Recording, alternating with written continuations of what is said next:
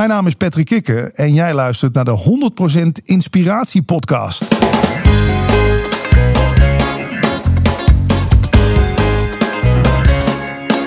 Hey, wat goed dat je luistert. Hij staat weer voor je klaar. Je wekelijkse dosis inspiratie is weer daar. De allerleukste gasten geven al hun kennis prijs. Met je veel te blije host, hij praat je bij. Zijn naam is Thijs. Thijs,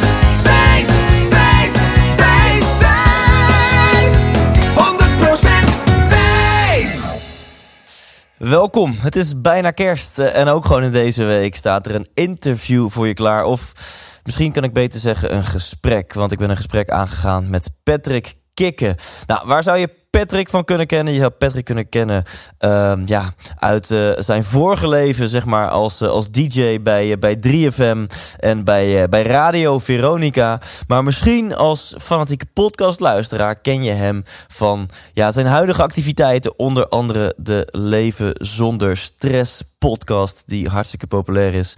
Hij heeft meer dan 500 interviews gedaan met spirituele leraren, coaches en psychologen. Onder andere Eckhart Tolle heeft hij gewoon geïnterviewd. En ehm, dat is ook een mooi linkje naar dit interview, of eigenlijk dit gesprek. Want je kunt genieten van twee podcast-nerds die elkaars ervaringen uitwisselen, maar die ook heel kwetsbaar zijn. Dit is misschien wel het meest kwetsbare gesprek tot nu toe wat ik heb gevoerd eh, in deze podcast. We hebben het over liefde. De definitie van geluk en succes, over eigenwaarde, eh omgaan met kritiek. Ehm, ja, zo kan ik nog wel even doorgaan, maar dat heeft geen zin, want het interview staat gewoon voor jou klaar. Patrick, ik vind je een held. Heel tof dat je hier aanwezig was. En eh, voor jou als luisteraar, ga ervan genieten. Hier is Patrick Kikken. 100% Thijs. Ja, vol- volgens mij zijn we begonnen. Leuk. Ja, eh, hij loopt. En eh, we hadden het al even over, eh, als, als podcast-nerds natuurlijk, over elkaars eh, techniek en crew. Ja, En over crew gesproken, dat is toch wel... nou, als ik zo nu om me heen kijk in de studio waar we nu zitten... dan tel ik nul crewleden. ja we zitten hier met z'n tweeën. Zie je met z'n tweeën. Dus we hadden het al even over... Ja, het zou wel fijn zijn als je iemand erbij hebt... die je dan helpt met de productie. Ja, je of gewoon- nog een beetje visagie. Dat is allemaal next level, hè? Ja, Ja. hebben we natuurlijk eigenlijk niet nodig. Nou, ja, ik. Ja, Ja. Jij bent nog wat jonger, hè? Maar ja, nee, maar zo gaat het ook. Styling, styling. We hebben, Styling. Ik bedoel, ik heb een vest Ja. aan met mijn eigen naam erop. Ja, Dat, dat kan natuurlijk, Nee. dat kan echt niet. nee. Ehm, Ik heb een paar haren hier op mijn vestje hangen. Heb je een huisdier? En mijn vriendin heeft drie katten. Dus als je Ah, inderdaad hier allemaal haartjes ziet, is dat het. Ja. Ja, En, en die zijn niet van de katten. ik mag het hopen. Oké. Ja. Ehm, ja, ik weet niet waar, waar ik moet beginnen. Even voor de, voor de luisteraar. We hebben net al gezegd, we, we gaan gewoon de, de microfoon aanzetten. Ja. En het wordt een kennismaking tussen twee mensen. Want wij kennen elkaar al... Of in ieder geval, wij, wij zitten denk ik al een jaartje of twee bij elkaar op de radar. Ja. Anderhalf jaar, twee jaar. proberen af te spreken. Ja. Ehm, met name door ondergetekende. En eh, is dat niet altijd Nou eh, gelukt. Eens gelijk. Ik kwam misschien ook wel een beetje als een soort eh, kamikaze-piloot jouw leven invliegen. Weet je, dat is, ben ik Ja. gewend van de radio. Weet je, ik, heb, ik, heb, ik heb geen lontje. Dus ik kom gewoon bij mensen binnen. Ik kom met een idee. Oh, geen zin in. Oké, doei. Dan ben ik weer weg. Weet Ja, je wel? ja, en toen kwam jij met een tegenvoorstel. En toen, maar ik, ben, ik geloof wel in een soort synchroniciteit. En nu is blijkbaar het moment dat wij elkaar moesten ontmoeten. Ja. Ja, dat is meteen mooi. Ja, It's meant to be. ja of, of een soort van nu is de, de, de, de tijd rijp. De appel valt nu blijkbaar van de boom. Ja, die uitdrukkingen zijn er niet voor niks natuurlijk. Nou, en ik, ik heb net als primeur online gedeeld dat er een boek van mij komt. Ja. En dan kunnen we meteen als primeur delen dat als mijn boek er komt, dat ik mijn verschijning mag maken in de Leven zonder Stress podcast. podcast, absoluut. Je bent van harte welkom, want ik vind je sowieso een inspirerend figuur. Je hebt een goede stem. Eh, eh, begin even met de complimentjes. Ik dacht al, waarom, doet, waarom is er eigenlijk geen radiostation wat jou ooit benaderd... Is er wel eens een radiostation wat jou benaderd heeft, of niet? Nee, gek. ge- Dat is nou ja, raar? klinkt een beetje eh, arrogant, maar gek genoeg niet. Ja, want je hebt een goede stem. Je kan goed interviewen. Je, je, je, je ziet er ook nog eens voor de millennial gewoon goed uit. En dat zeg ik, ja, nee, ik denk niet om te slijmen. Dat zeg ik gewoon. Ik, het valt me op dat er heel veel traditionele media, en daar had je het in gesprek met Giel Belen ook over, die kijken een beetje naar podcasts zo van, oh ja. Terwijl je zou het ook als een soort plek kunnen zien van waar je, waar je leuk talent vandaan kan trekken. Weet je, waarom zit jij niet al bij BNR iedere dag eh, mensen te interviewen? Ja, you tell me. Ik merk wel dat, want ik zal verder geen namen noemen, maar ik heb een keer een podcast gedaan onder eh, regie van een omroep, eh, ehm, een wat traditionelere omroep. En ik merk wel dat er dan dat de traditionele journalistiek, want ik, ik ben allesbehalve journalist. Ik weet niet eens hoe je het woord spelt, letterlijk. Mhm. Maar eh, de- ik merk dat er echt een verschil is tussen invalshoek en zienswijze van de traditionele journalistiek Ja. en podcasters. En om een voorbeeldje te noemen, wat ik bij mezelf merk en bij jouw podcast en bij Joe Rogan en al dat soort Mhm. gasten. Je neemt de tijd, eh, je, je stelt vaak de, de gast, eh, of je zet vaak de gast op een voetstuk. Dus ik denk, oh Patrick, wat tof dat jij er Mhm. bent. Hoe denk jij over het leven? Ja. Hoe denk jij over jouw succes, et cetera? Nou, bij traditionele media is het natuurlijk veel korter. Hebben we maar drie tot vijf minuten. Ja. Ehm, en merk ik, op de een of andere manier moet het altijd kritisch zijn. Er moet aan je Ja. stoelpoten Ja. gezaagd worden. Die proberen onderuit te halen. hè? Ja, van hé, maar eh, heb jij dan eh, nooit stress in je leven, Patrick? Weet je wel? Dat, Dat- zou de insteek zijn. dat soort vragen, Ja, ja. klopt. Nee, maar dat is, ik, bedoel, ik denk dat mensen daar ook wel een beetje klaar mee zijn. Want er is al zoveel gezeik in de wereld. Misschien is daarom het succes van jou en mijn podcast... dat mensen het ook lekker vinden om eens even gewoon... twee mensen open en eerlijk, gelijkwaardig met elkaar in gesprek te horen gaan... zonder dat ze ergens op uit zijn. En ja, dat, dat vind ik ook zo fijn aan het medium. Oh, de wereld is eigenlijk helemaal niet zo'n slechte plek. Want hoor eens hoe enthousiast die twee mensen met elkaar zijn. En hoe ze van elkaar proberen te leren. Een beetje eigenlijk zoals we als kinderen met elkaar Ja. omgingen. Ja. Toch? Ja, oké, je pakt ook wel eens elkaar speelgoedjes af. Maar je was toch vooral geïnteresseerd in de ander. En ja, dat, dat, ik denk dat dat inderdaad een groot verschil is met de traditionele media. Daar moet het allemaal pijn doen. Ja, en, en er is inderdaad, bij podcasters is er vaak geen agenda. Nee, we gaan zitten en we zien wel wat er Ja. ontstaat. En dat, dan wordt dan uitgelegd, ja, maar kom eens to the point. En, eh, en, en eh, wat is hier de nieuwswaarde van? Nou, ik denk dat de, de, de verbinding tussen mensen, dat hoor ik tenminste veel terug op mijn podcast. Te zeggen, ik luister zo'n gesprek en dan gaat het me vaak niet eens zozeer om wat er gezegd wordt, maar het gevoel wat het gesprek opwekt. Ja. Een soort van, ja, ik weet niet hoe ze dat, een soort magisch iets. Ik wil het nou niet groter maken dan het is, maar gewoon die rust die het uitstraalt. En de plezier. En dat voelen mensen. En mensen voelen dat. Ja. Ja, en ik zou tegen de luisteraar bijna willen zeggen, you tell me, want we zitten nu al Ja. op vijf minuten. Nou, er is afgelopen vijf minuten is echt niets inspirerends voorbij gekomen. Nee, maar hoe voelde Eh, dat? en en Ja. grote kans dat je nu in je auto zit, of je staat op de, op de loopband of whatever, of je bent aan het koken en je denkt van, nou, leuk om van dit gesprek Ja. onderdeel te zijn. Ja. Ja, want dat had iemand bij de. Ik weet, je zal je comments ook wel lezen die je krijgt. De complimentjes op, op eh, iTunes en zo. Ik krijg nooit complimenten. Echt eh, niet? nee. Nou, dan, dan gaat er nu verandering in komen. Maar een vrouw zei van, het maakt me eigenlijk niet zoveel uit met wie je in gesprek gaat. Ik vind het altijd leuk. En dat is, dat is mijn tip 1 dan voor jou ook. En misschien voor medepodcasters zitten te luisteren. Leg jezelf erin. Weet je, dat heb Ja. ik bij de radio geleerd. Als ik een uur naar jou geluisterd heb. En ik heb jou in dat uur niet iets beter leren kennen. Dan was dat voor mij eigenlijk een verspild uur. Ik wil jou beter leren kennen. Ja. Ik wil weten wat Thijs beweegt. Waar, waar staat Thijs voor op ochtends? Wat zijn zijn zorgen? Waar heeft hij verdriet over? Weet je, want dat maakt jou voor mij meer dan een stem. Dat maakt jou voor mij een echt mens. Ja. Dus ja, als we dat nog een beetje erin kunnen fietsen. eh, Nou, en je, je noemt meteen iets tofs, eh, iets interessants, want je hebt het over de ratings op, op iTunes. Hmm. En ik had dan heel lang had ik vijf sterren. En nu heb ik 4,5 sterren. Ah. Dus dan, we hadden het net al een beetje over eigenwaarde. Ja. Hè? Dan kun je denken, nou, niks aan de hand. Je vindt nog steeds, je, je vindt Ja. van jezelf dat je een toffe podcast hebt. Bijna iedereen vindt die tof, want je hebt Ja. 4,5 ster. Maar dan merk je toch, hm, ik heb 4,5 ster. En ging ik zo kijken. En toen zag ik dat één iemand had me een 1 ster gegeven. En één iemand heeft mij een 2 ster gegeven. En dat drukt zo erg de score dat je eigenlijk niet meer 5 sterren hebt. En diegene met 1 ster, die had dan gezegd... ehm, ik vind de geluidskwaliteit niet goed. Nou, daarvan dacht ik wel helemaal van... Huh? Nou, je hebt Dat- goede dat- microfoons. Dat, dat, misschien is het dan te goed, omdat het zo erg opgepompt Oh, is ja. dat het te hard door je Ja. speakers komt. Dan. En die tweede, ja, je had een gast geïnterviewd en eh, die, die praatte telkens, eh, deed telkens Engelse woordjes tussendoor. Ik wist meteen over welk het gast het ging. En daar ergerde ik me aan. Maar ter- ter- terwijl ik het nu al zeg, denk ik, Ja. Thijs, dit is toch helemaal chill. Maar toen ik dat voor het eerst las, Ja. ik zat ermee. Ik Ja. denk, fuck, ik heb een 1 en 2 Ja, ster rating en ik ben het er niet mee eens. En ik ben nu mijn 5 ster rating kwijt. Hoe, hoe is dat bij jou? ja, bij mij net zo. Ik zit op vier sterren dan. Dus ik ben nog Uh-oh, verder gezakt. uh-oh. Dit is gekomen door een aflevering met Clown Bassie. Ja, ik, weet je, ik ben gewoon Clown Bassie gaan opzoeken in Vlaardingen. Ja. Ja, en die man zit natuurlijk alleen maar over zichzelf te praten. En toen zei iemand terecht: wat doet dit in de podcast Leven zonder stress? Ja. Die beste man heeft eh, drie kwartier lang alleen maar over zichzelf zitten opscheppen. Ja, ik ben dan toch wel weer zo iemand. Ik zet dat gewoon online, want ik vind namelijk dat je daar ook van kan leren. Als je, want hij laat tussen de regels door, vind ik, laat hij horen dat hij dat hele clown zijn gewoon kotsbeu is. En dat hij dus daarom alleen maar de hele tijd zijn successen zit te vertellen. Ja, ik denk, het mag ook wel eens schuren, toch? Maar ja, er ging ook iemand, eh, ja, wat doet hij hier? Eén ster, wat doet Clown Bassie in zo'n podcast? En Hey, en dur- durf jij dan kritische vragen te stellen? Van, van, Aan hey, Clown Bassie? ja, in de, in, de, in de richting van, hé, hey, maar ehm, ben je wel gelukkig? Of ben je wel echt jezelf? Of Ja, weet je wel? Of, of ben je, vind je dat een beetje spannend? En Eh, vooral, ik vind het slim dat jij nu ook voor een setting gekozen hebt bij jou op kantoor. Nu is het toch een thuiswedstrijd voor jou. Ik merk als ik bij mensen, naar mensen toe ga, ik ben in hun eigen, in hun habitat, vind ik het lastiger om dat soort vragen Ah, oké. te stellen. Heeft met veiligheid te maken. Hè? Wauw. Stel dat schopt iemand je gewoon de deur uit. Hè? Ja. dat je een pijnpunt raakt. Ik, ik heb hier een knop, als ik daarop druk, Ja, dan... eh, hoor, vlieg je weg. Ja. Nee, ja, ik, ik Ja. zou misschien wel eens wat kritischer mogen zijn. Maar ik, ik heb met spiritualiteit. Ik spreek veel mensen die dus inderdaad uit de spirituele hoek komen. Kijk, als hier iemand zit die zegt: Ik ben ontvoerd door UFO's. En mijn eerste eh, antwoord is: van dat kan toch helemaal niet? Dan sla ik dat verhaal helemaal dood.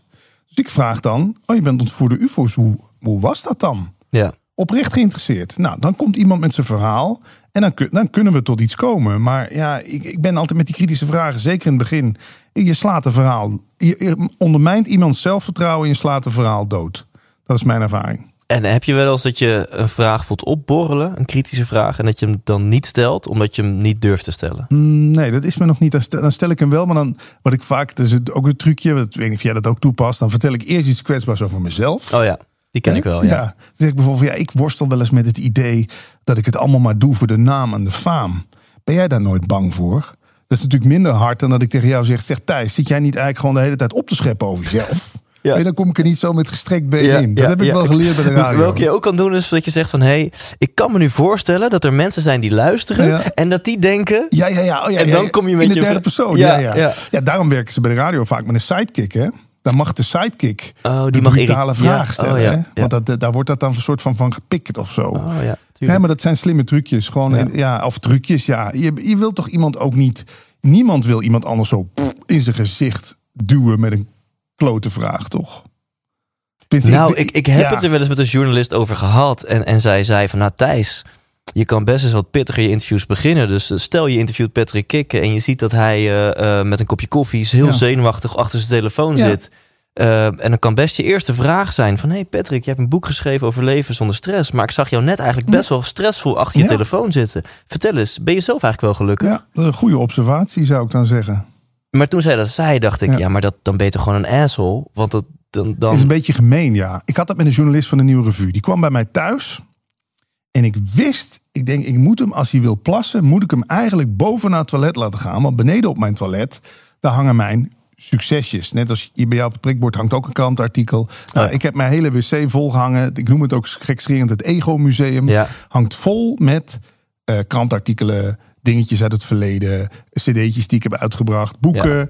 En ik wist, als hij dan naar die wc gaat, het gaat in het artikel komen. En jawel hoor, in het artikel kwam, hè, terwijl hij dat dus eigenlijk niet had gezegd. Hij was even gaan plassen nog, maar in het artikel kwam van ja, de heer Kikker eh, zit ze waarschijnlijk te masturberen op zichzelf.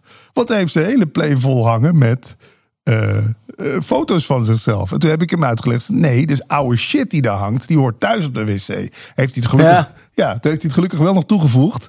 En toen was het weer recht. Maar ik dacht wel, ja, even opletten. Want journalisten, Ja, maar het is triest en het is beetje flauw om te zeggen, maar dat geldt bijna altijd voor als mensen kritiek leveren. Het zegt zoveel meer over die persoon dan over Ja. jou. Ja. En ik bedoel, ik ben bij bijna, nu heb ik een eigen studio, maar ik ben bij bijna iedereen thuis Ja. geweest. Maar Pieter van de Hogeband, die heeft een prachtige villa ergens in de buurt van Eindhoven. Als je daar binnenkomt in de ontvangsthal, wat een gemiddelde Nederlandse woonkamer is, hangt daar in zwart-wit aantal gigantische canvassen of posters van, zijn, eh, Oh. ja, van, van hemzelf. Dat, dat, dat hij de, Ja.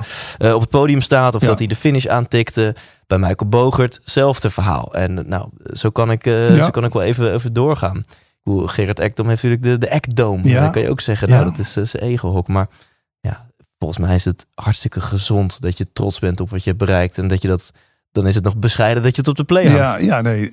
Ik, en eh, alle artiesten die gouden plaat hebben ophangen. Kijk, op een gegeven moment ga je onderzoeken waar komt dat vandaan. Je hebt het ook gedoken in mensen die het over hun zelfbeeld hebben. Kijk, dat moet iedere dag wel een soort van bevestigd worden, dat succes. Het is niks vluchtigers dan succes, is mijn ervaring. Want waar is nu mijn radiocarrière? Wijs hem eens aan. Is er niet meer. Waar is nu eh, die keren dat ik op tv was? Waar is nu ehm, eh, al die aandacht die ik kreeg toen ik op een podium stond voor 20.000 man? De- het, het is weg. Dus als ik dan nog foto's heb, dan kan ik me een soort van Hmm. Snap je? Ja, zo zie ik het. Als ik op die wc sta, voel ik mijn ego een soort van groeien. Maar zodra ik de deur weer dicht doe, ja, is het ook weer zo verdwenen. Ja. Nou, mag ik dan meteen een intense vraag erin Ja, tuurlijk, knal wat mij erin. betreft een van de vragen Ja. der vragen. Ehm, je zegt, als ik dan nu mijn suc- succes is vluchtig. Hè? Dus Ja. succes is alleen in het moment en daarna pff, is het weg. En je zegt, nou, als ik dan die foto's zie, dan herinner ik me weer even aan dat, aan dat succes. Dan gaat mijn ego, e- ego even omhoog. En dan voel je misschien even wat gelukkiger in dat moment. Maakt succes gelukkig. Ik ben erachter gekomen van niet. Sterker nog, ik heb een psychiater in de jaren 70 wel eens horen zeggen: er is niets zo erg dan succes. Want dan heb je het bereikt. En dan denk je: fuck, dit is het nog niet wat ik aan het zoeken was. Wat dan? Nou, ik ben maar de gouden spiritualiteit ingedoken om daar mijn heil te vinden. Maar ik snap nu wel beter wat hij bedoelt. Kijk, het succes zit hem in het moment. Het zit hem nu in wij ontmoeten elkaar. Dit, dit is het succes eigenlijk. Maar wat wordt ons geleerd? Het succes komt straks als we zien dat dit gesprek op nummer 1 staat in de iTunes-categorie zakelijk. Ik noem maar wat geks. Als we horen dat het gesprek is opgepikt door Nieuwe Revue en die hebben er een artikel van gemaakt, dan denken we dat dat, dat succes is. Maar dit is het succes. Het, het maken, het doen zelf. Eh, Daarom, ja, ik dacht ook altijd, het is een soort pot met goud aan het einde van de regenboog. Maar ja, die kwam niet. Dat is mijn ervaring. Dus als je nog geen succes hebt, kun je altijd nog jezelf wijzen. Dan is dat jouw, jouw energie, jouw motivatiebron. Van, oh, maar ik wil wel graag succes. Maar als je het eenmaal hebt, wat dat ook is. Je hebt bereikt wat je wilde bereiken. Dan zou je zomaar eens de leegte kunnen voelen van zijn waar je wilde zijn. En dat je denkt, oh, maar als dit het ook niet is, wat is het dan wel? Nou, het pad ernaartoe is mijn ervaring. Ik kan me zo voorstellen, iemand die, die, die, ja, die, die heel erg bezig is met iets. Ik weet niet, met creëren. Dat, eh, jij ook met je theatershow. Je bent, het, het proces zelf, dat is toch eigenlijk het leukst, of niet? Dan, eh, dan dat het afgerond is, dat je zegt zo, het was een succes. Nou, ik vind het altijd leuk om dingen en spiritueel en praktisch te Mhm. benaderen. Als je dit praktisch benadert, kan je gewoon zeggen... de weg ernaartoe duurt gewoon veel langer dan het succes Ja, zelf. ja, dat is Hè? ook zo. De weg ernaartoe kan een week, een maand, een jaar, tien jaar zijn. Het succes zelf, eenmalig een uitverkocht Ziggo of whatever... kan zeg maar een avondje champagnefles openpoppen. Ja. Eh, dus, dus, dus technisch gezien kan je zeggen... nou, de weg ernaartoe is een veel langer stuk van je leven dan succes zelf. Dus zorg er maar voor dat je van de weg ernaartoe geniet. Maar ja, dan, dan, dan spiritueel gezien... ehm, je, je wil altijd wel ergens naartoe. Je wil groeien. Als je niet groeit... Ja. ehm, stilstaan maakt ongelukkig, denk ik Ja. toch ook wel weer. Ja, je zei net iets moois. Eh, ik hoop dat ik het mag herhalen, als knip je het er maar uit. Ja, Je zei in het koffie ook iets moois. We hebben veel mensen, laat ik niet voor iedereen praten, maar jij en ik, denk ik sowieso, hebben een soort basisgevoel in ons van niet goed genoeg.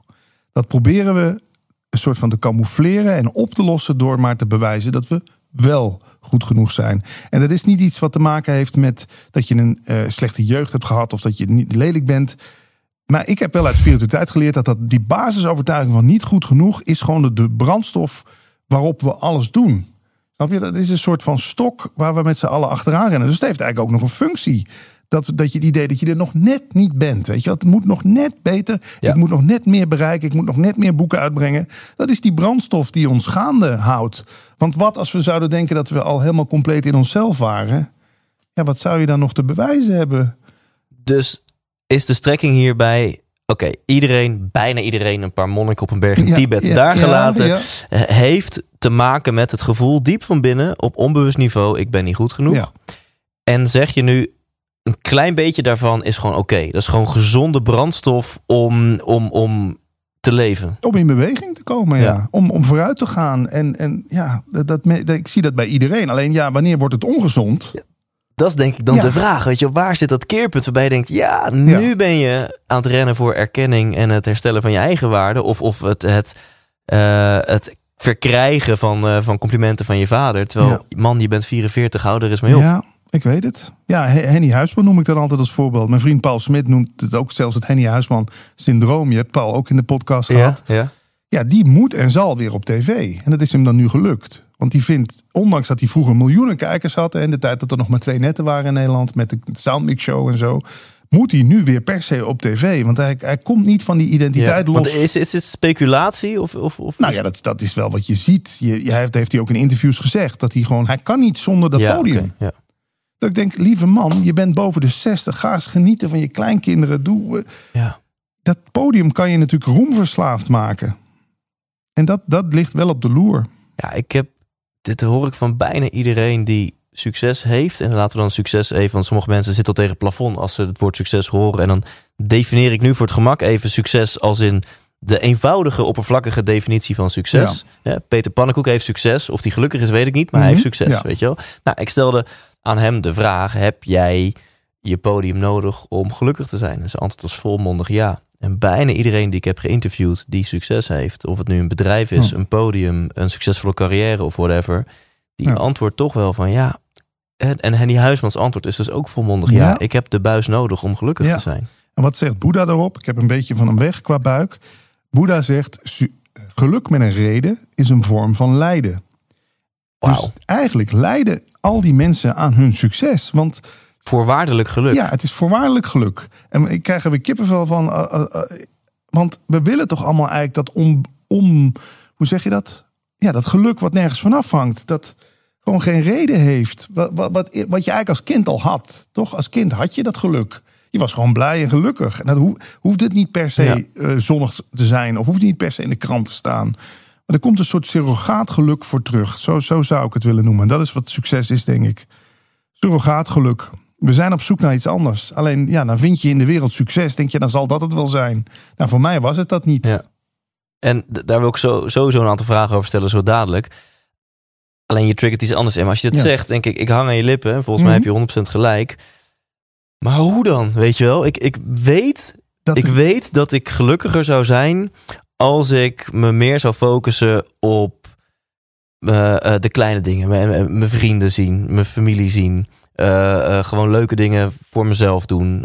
sporten, weet ik Ja. dat soort dingen. Wat ik trouwens wel regelmatig doe hoor. Maar dus ik weet dat ik gelukkiger zou zijn als ik minder zou focussen op, op succes, tussen aanhalingstekens. Maar ja, het is toch de drijfveer waarmee ik elke ochtend mijn bedje uitkom. het. Het. is toch het vlammetje wat, wat elke dag van, een, van, een, van een, een, een, een, eh, een waakvlam weer een steekvlam wordt. Maar doe het vooral. Je kan het toch niet tegenhouden. Jim Carrey zei daar iets moois over. Staat ook in mijn boek Leven zonder stress. Eén pagina voor de quote van hem gereserveerd. Ik gun iedereen dat hij stinkend rijk, wereldberoemd en succesvol wordt. Zodat hij daarna achter komt dat het hem daar ook niet in zit. Maar blijkbaar Wauw, moet... Ja, gaaf, gaaf, gaaf. je moet blijkbaar toch eerst... Als jij het idee hebt dat die rode Tesla jou gelukkig gaat maken, ga het achterna. Puur hypothetisch, dit voorbeeld. Ja, als het zo zou zijn. Ik, ik, ik weet dat ik zelf per se die snel, allersnelste BMW wilde hebben. Nou, die had ik dan. Ik was inderdaad een weekje blij. En toen zat het eerste krasje erop. Je weet hoe het Hey, gaat. ik heb tenminste nog duurzame ambities, ja, ik weet eh, het, Patrick. ik weet hè? het. Ik het. Het is ook verschrikkelijk. Maar eh, om maar aan te Terzijde, geven... sorry, ga Ja, verder. je hebt gelijk. Maar om maar aan te geven, ja... Ik, het is ook niet, ik, ik ben ook absoluut niet van te zeggen van doe het nou allemaal niet. Juist Thijs, doe het. En niet om te zeggen van omdat ik daarna naar je toe kom en zeg van zie je nou wel, het zat hem nou ook niet in. Nee, je moest het blijkbaar doen. Het is de reis van de held. De held die denkt dat het buiten zichzelf te vinden is. Het, het komt ook in iedere Ja. film terug. Lord of the Rings. We denken allemaal dat het geluk iets is wat je, wat je gaat vinden. Ja. Maar is het niet gewoon iets wat je meebrengt na het feestje? Dat is waar ik wel zelf een beetje achter ben. Dit gekomen. is echt een heel groot cadeau wat ik van mijn podcast heb. Ik bedoel, ik vind het al stoer dat ik 160 mensen heb ge- heb geïnterviewd. Jij zit over de 750. ja, echt, de- in elk geval ja. qua episodes Ja, en meer dan 500 ja, interviews. Ja, ja. Ehm, dit vind ik zo'n groot cadeau dat ik begon echt met een tocht naar succes. Hè? Tony Robbins in mijn achterhoofd. Succes leaves clues. Weet je wel, doe hetzelfde wat succesvolle mensen doen. Ja. En jij zal dezelfde resultaten behalen. Wat ik trouwens een interessant statement vind. eh, Paul Smit die zei tegen mij, ze hebben onderzoek gedaan. Hoe weet ik trouwens niet. Maar naar Bill Gates. Wat blijkt, als die gast een jaar later was geboren. Dan was het gewoon een random ICT-nerd geweest. Ja. Nou, dat vind ik fascinerend. Ja, dat is leuk. hè? Ja, dat is leuk. Ehm, m- maar gaandeweg kwam ik erachter, wacht eventjes, er zijn mensen die alles hebben wat iedereen wil. Avicii, om een voorbeeld Ja. te noemen. Hè? Eh, Heel veel artiesten. 60 miljoen, geloof ik, stond Ja. op zijn rekening toen hij, eh, Oh. toen hij een einde maakte. Eh, heeft van zijn passie zijn beroep gemaakt. Ja. Over de hele wereld uitverkochte arena's. Kan elke vrouw ter wereld krijgen, mocht dat je definitie Ja. van succes zijn. Ja. En heeft er een einde aan Ja. gemaakt. En nou, die heb ik nog niet geïnterviewd, maar wel Mhm. zeg maar mensen die, die, die, die alles hebben waar we allemaal naar van dromen en niet zo gelukkig zijn in mijn ogen. En ik heb mensen geïnterviewd. Nou, dit voorbeeld kennen de mensen die naar mijn theatershow zijn geweest. Wouter Duinersveld heeft een donorhart en nog drie jaar te leven en hij heeft twee jonge kindjes. En ik voel, als ik het nu al zeg, schiet het alweer door me heen, Mhm. gewoon kippenvel. en geniet elke dag intens. Ja. Ja, ja wat, wat moet je wat kunnen? Ja, het is ook helemaal geen vraag. Ik zit je gewoon ja. innig aan te Ja, kijken. ik, zit, ik, ik voel wat je bedoelt. Ja, ik, ik heb hetzelfde gehad. Ik zag Whitney Houston voorbij schuiven. De dochter van Whitney Houston ook dood. Eh, Michael Jackson, wat een triest verhaal. Als we het hebben over iemand die succes bereikt heeft. Hoe is die op zijn 49 ten einde gekomen aan de pijnstillers en weet ik wat allemaal. Ja. Dus voor mij, ik had al heel snel door, zo wil ik, George Michael, idem dito, zo wil ik niet terechtkomen. Dus er is iets heel geks aan de hand met dat succes. Het lijkt bijna een voorbode voor destructie daarna. En als je kijkt, nou, ik wil het niet te spiritueel of filosofisch maken, maar kijk eens nu naar buiten. Ik bedoel, alle bomen verliezen hun bladeren nu ook weer. En, en daarna bouwt het weer op. Dus ik heb soms wel eens het idee, Hans Thebe heeft dat wel eens gezegd. Als iets heel erg lukt, ga ik het daarna kapot maken. Dat is blijkbaar inherent aan hoe het hier werkt. Als iets helemaal af Ja, is, ja.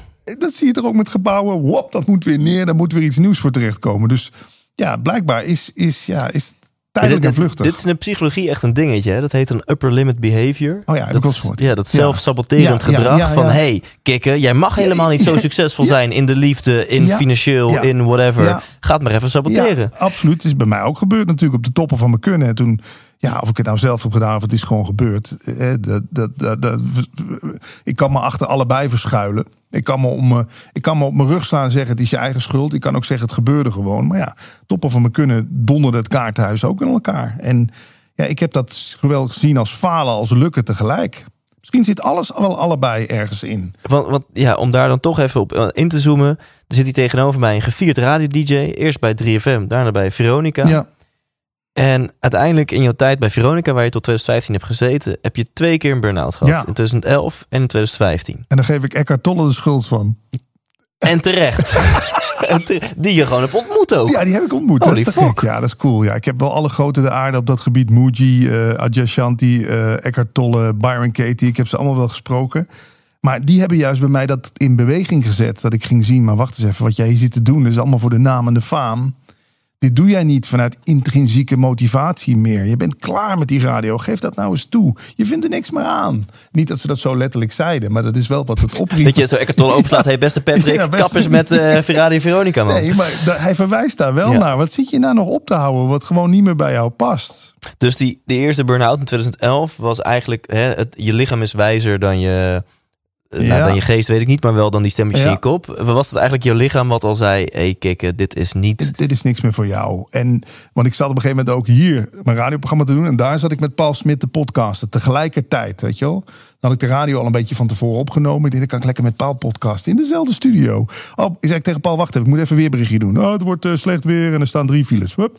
Waar hadden we het alweer over? Eckhart Tolle, ja. Eh, Snap je? Wauw. ja, dan weet je eigenlijk al. Je bent twee ballen tegelijk in de lucht aan het houden. En, maar ja, ik heb het wel slim aangepakt, vind ik toch. Ik heb een financieel buffertje kunnen opbouwen. Ik bedoel, veel spirituele mensen denken ook... je moet alles verkopen, je, je gaafste shirt weggeven... En, en op straat gaan zitten bedelen. Nee, je mag ook best denken...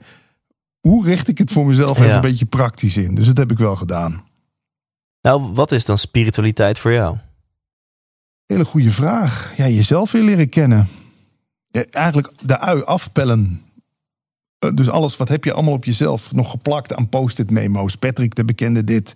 Eh, Patrick die met een blond wijf over de eh, rode loper bij een filmpremière loopt. Patrick, de BMW-rijder. Weet je, dat je op een gegeven moment denkt, ja, hallo, wat ziet je jezelf nou? Wel, Patrick, de directeur van zijn eigen eenmanszaak. Ik noem maar wat geks, wat zie je op Mhm. LinkedIn niet allemaal staan? En dat je, als je dat allemaal van je afvalt, dan word je lichter. En dan kom je bij een soort, ja, ik noem het geen kern, want er is eigenlijk geen kern. Maar dan kom je bij een soort essentie uit van wat jou drijft. In plaats van al, al die opsmuk. Ja, de, de make-up eraf halen eigenlijk.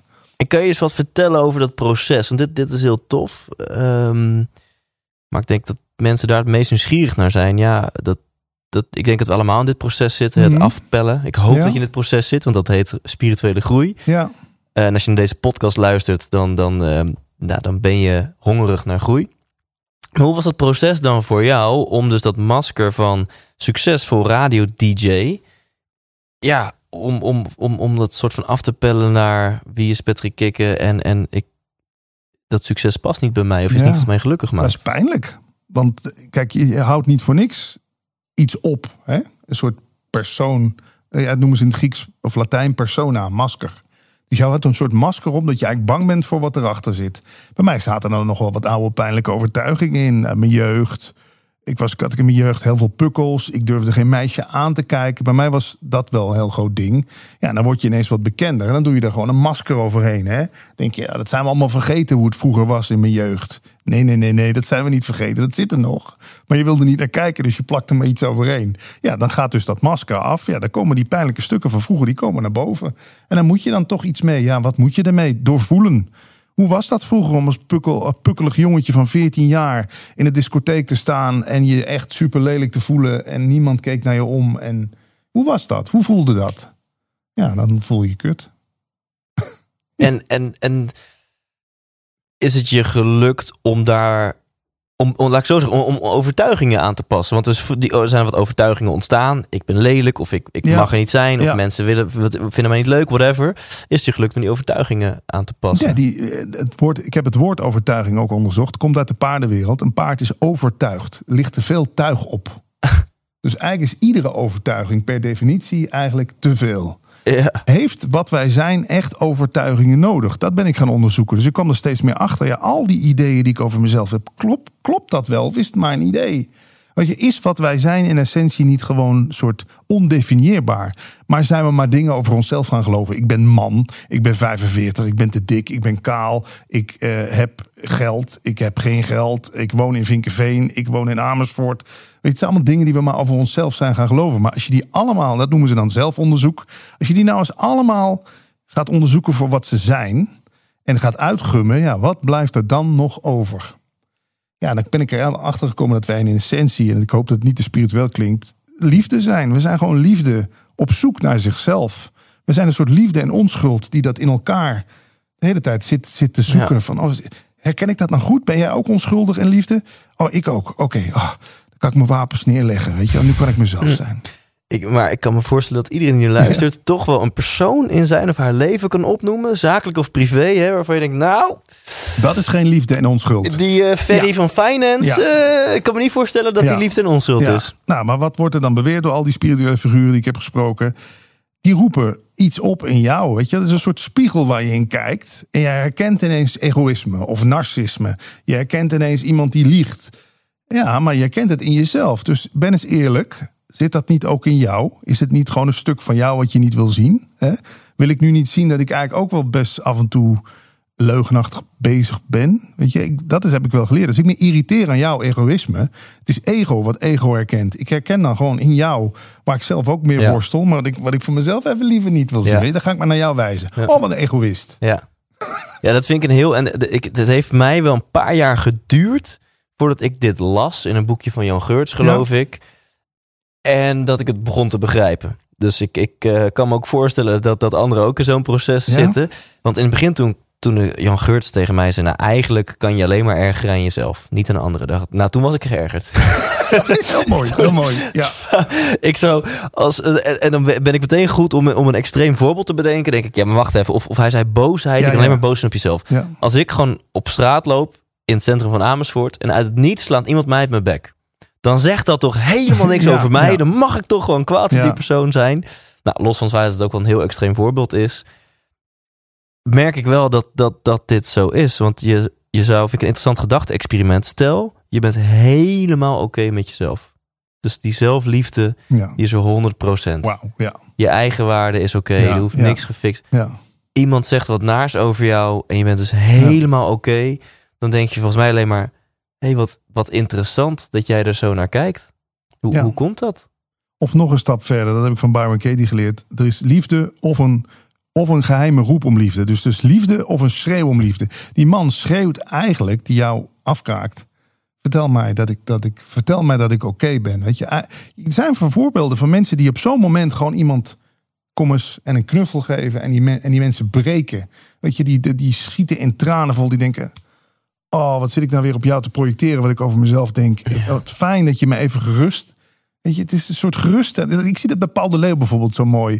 Die schreeuwt ook de hele dag nog steeds om... vertel me toch alsjeblieft dat ik goed genoeg ben. Weet je, Gordon, idem dito. Op een gegeven moment ga je gewoon die schreeuw om liefde herkennen. Alsof je de, nou, om de Matrix maar weer Ja. erbij te pakken. Alsof je ineens de Matrix doorziet. Van iedereen is Ja, bezig met een project om zijn of haar eigenwaarde of goed genoeg zijn. liefde te- te, bewijzen. Of, te, of, of alsjeblieft vertel me dat ik goed genoeg ben. Dat zie je zoveel. En tuurlijk, als iemand met een mes voor je staat en dan nog maar denken van... eh, Sorry, maar je bent, te zien, deze man is in de war. Die is op een hele extreme manier om liefde aan het vragen. Ik snap dat dat, ik snap dat, dat bijna een onmogelijke taak is. Maar blij- ik ben er wel door al die spirituele figuren die ik geïnterviewd heb over heel de wereld achtergekomen. Dat dat blijkbaar onze taak hier is. Dat we erachter komen dat het allemaal onschuld en liefde is. Of een roep om liefde. Ja. En dat, dat, ja, dat is zoiets magisch bijna. Ik, ja. Want dan valt dan. Moet je eens voorstellen dat iemand gewoon zijn mes laat vallen. En er zijn verhalen voor bekend. Iemand zelfs die zijn mes laat vallen en een huilen uitbarst. En, die andere, en, en daarna zitten ze een uurtje nog te praten op de bank met elkaar.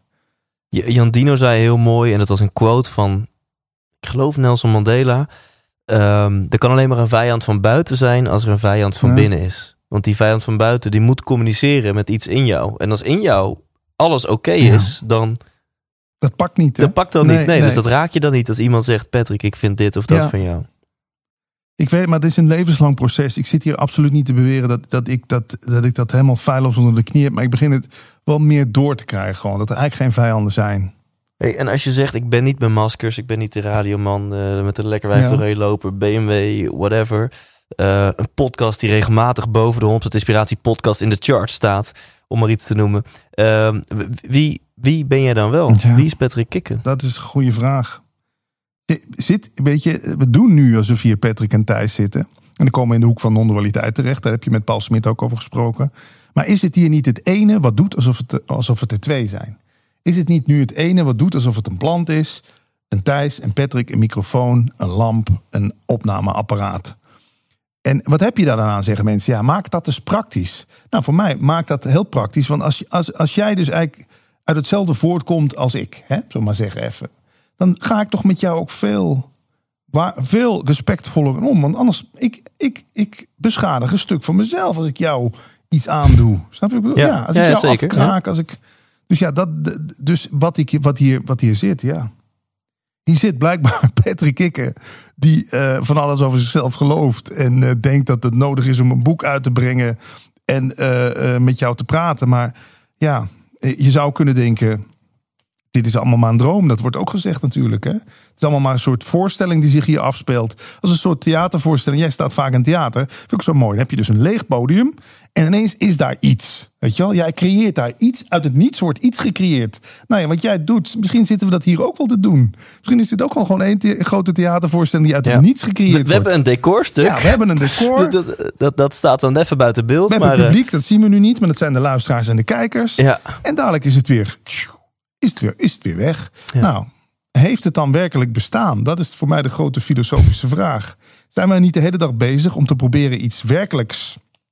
Ik heb ja dat volgens mij ook in een gesprek met Giel Belen, wat ik net in de auto luisterde, horen zeggen. Of Giel zei dat. Je wil, we willen zo graag iets nalaten, hè? Wat, wat, wat, Ja. wat niet tijdelijk is, maar wat. Tijdloos is. tijdloos is. We brengen boeken uit, we lanceren podcasts. Dat is voor mij ook de reden om met radio te stoppen. Ik had zoiets van, het is veel te vluchtig. Het wordt uitgezonden en dan is het weg. Oh ja. Weet je? Ja. Alsof het dan geen waarde heeft, omdat het dan uitgezonden wordt. Nee, het moet opgeslagen worden. Er moeten boeken van gemaakt worden. Maar ja, heeft überhaupt iets eeuwigheidswaarde? En is dat erg dat dingen gewoon opkomen, er wordt naar gekeken en het is weer weg? Nou, die plant maakt zich daar niet... Is het een echte plant? Oeh, geen idee. niet, nou. ik, ik denk het wel. En hij is kurkdroog. Ja, of, of is het gewoon plastic? Oh jee. Ik weet het niet.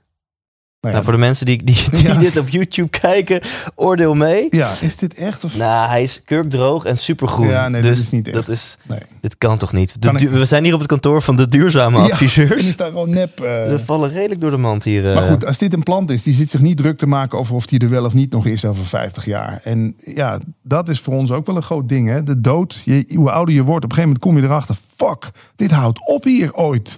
Heb jij dat nooit? Dat je denkt, Oh, oh, eh, hou op. Ik vertelde er in mijn show ook Ja. eerlijk over dat ik, dat ik heel bang ben voor de dood. En dat is ontstaan toen ik acht jaar oud was. En het is, eh, het is onder controle, maar als ik er te lang over stilsta, bij stilsta, dan word ik helemaal gek. wat geeft het je voor een gevoel dan? Dat, dat gevoel is echt niet te beschrijven. Dat gevoel dat, dat ik heb in mijn leven intens liefdesverdriet gehad en rouw en alles. Maar geen enkel gevoel is zo intens als dat angst voor de dood gevoel. Hm. En dat is begonnen toen ik acht was, toen mijn opa overleed. Omdat dat mij voor het eerst deed kennismaken met het concept het leven is eindig. Mhm. Dus ineens dacht ik, fuck, opa is er niet meer. Maar dat komt voor mij ook ooit. Nou, en toen, als, als, als, ik, als dat gevoel erin schoot, dan, dan wisten mijn ouders hoe laat het was. En dan lag ik te, te huilen in mijn bedje en dan eh, was het echt verschrikkelijk. En maar dat gevoel komt nog een paar keer per jaar maar. Het is dus bijzonder overzichtelijk. Maar als ik en even wat vatbaarder ben, ik ben wat moe en ik denk te lang over, de, over het leven en de dood na. Ja, je, je vraagt, omschrijf dat gevoel. Maar ik kan alleen maar zeggen dat het het meest intense gevoel wat, wat ik ken. En dat, dat je dan zo beseft van fuck, ooit wordt, gaat het licht op zwart en is het voorbij. Mhm. En ik vind het leven zo leuk. En ik, ik eh, ja, kan je, dat je gewoon niet de, de pijn kan bevatten van het feit of, of de ja, teleurstelling, maar dat is een understatement. Ja, dat, dus de tegenslag kan je gewoon niet bevatten van, van het, het, het, het verwrongen feit van fuck, ik ben ter dood veroordeeld. Ja, dat zijn we allemaal. Ja. Ja. Wat vind je van mensen die de uitspraak doen: wie bang is om te sterven, is eigenlijk bang om te leven? Ja, nou die zijn ook van die, die, die, die Niet van toepassing op jou, toch? Nee, Want jij die- leeft echt wel intens. Maar dat, ik zie dan wel een mooie parallel met jouw podcast, echt leef intens.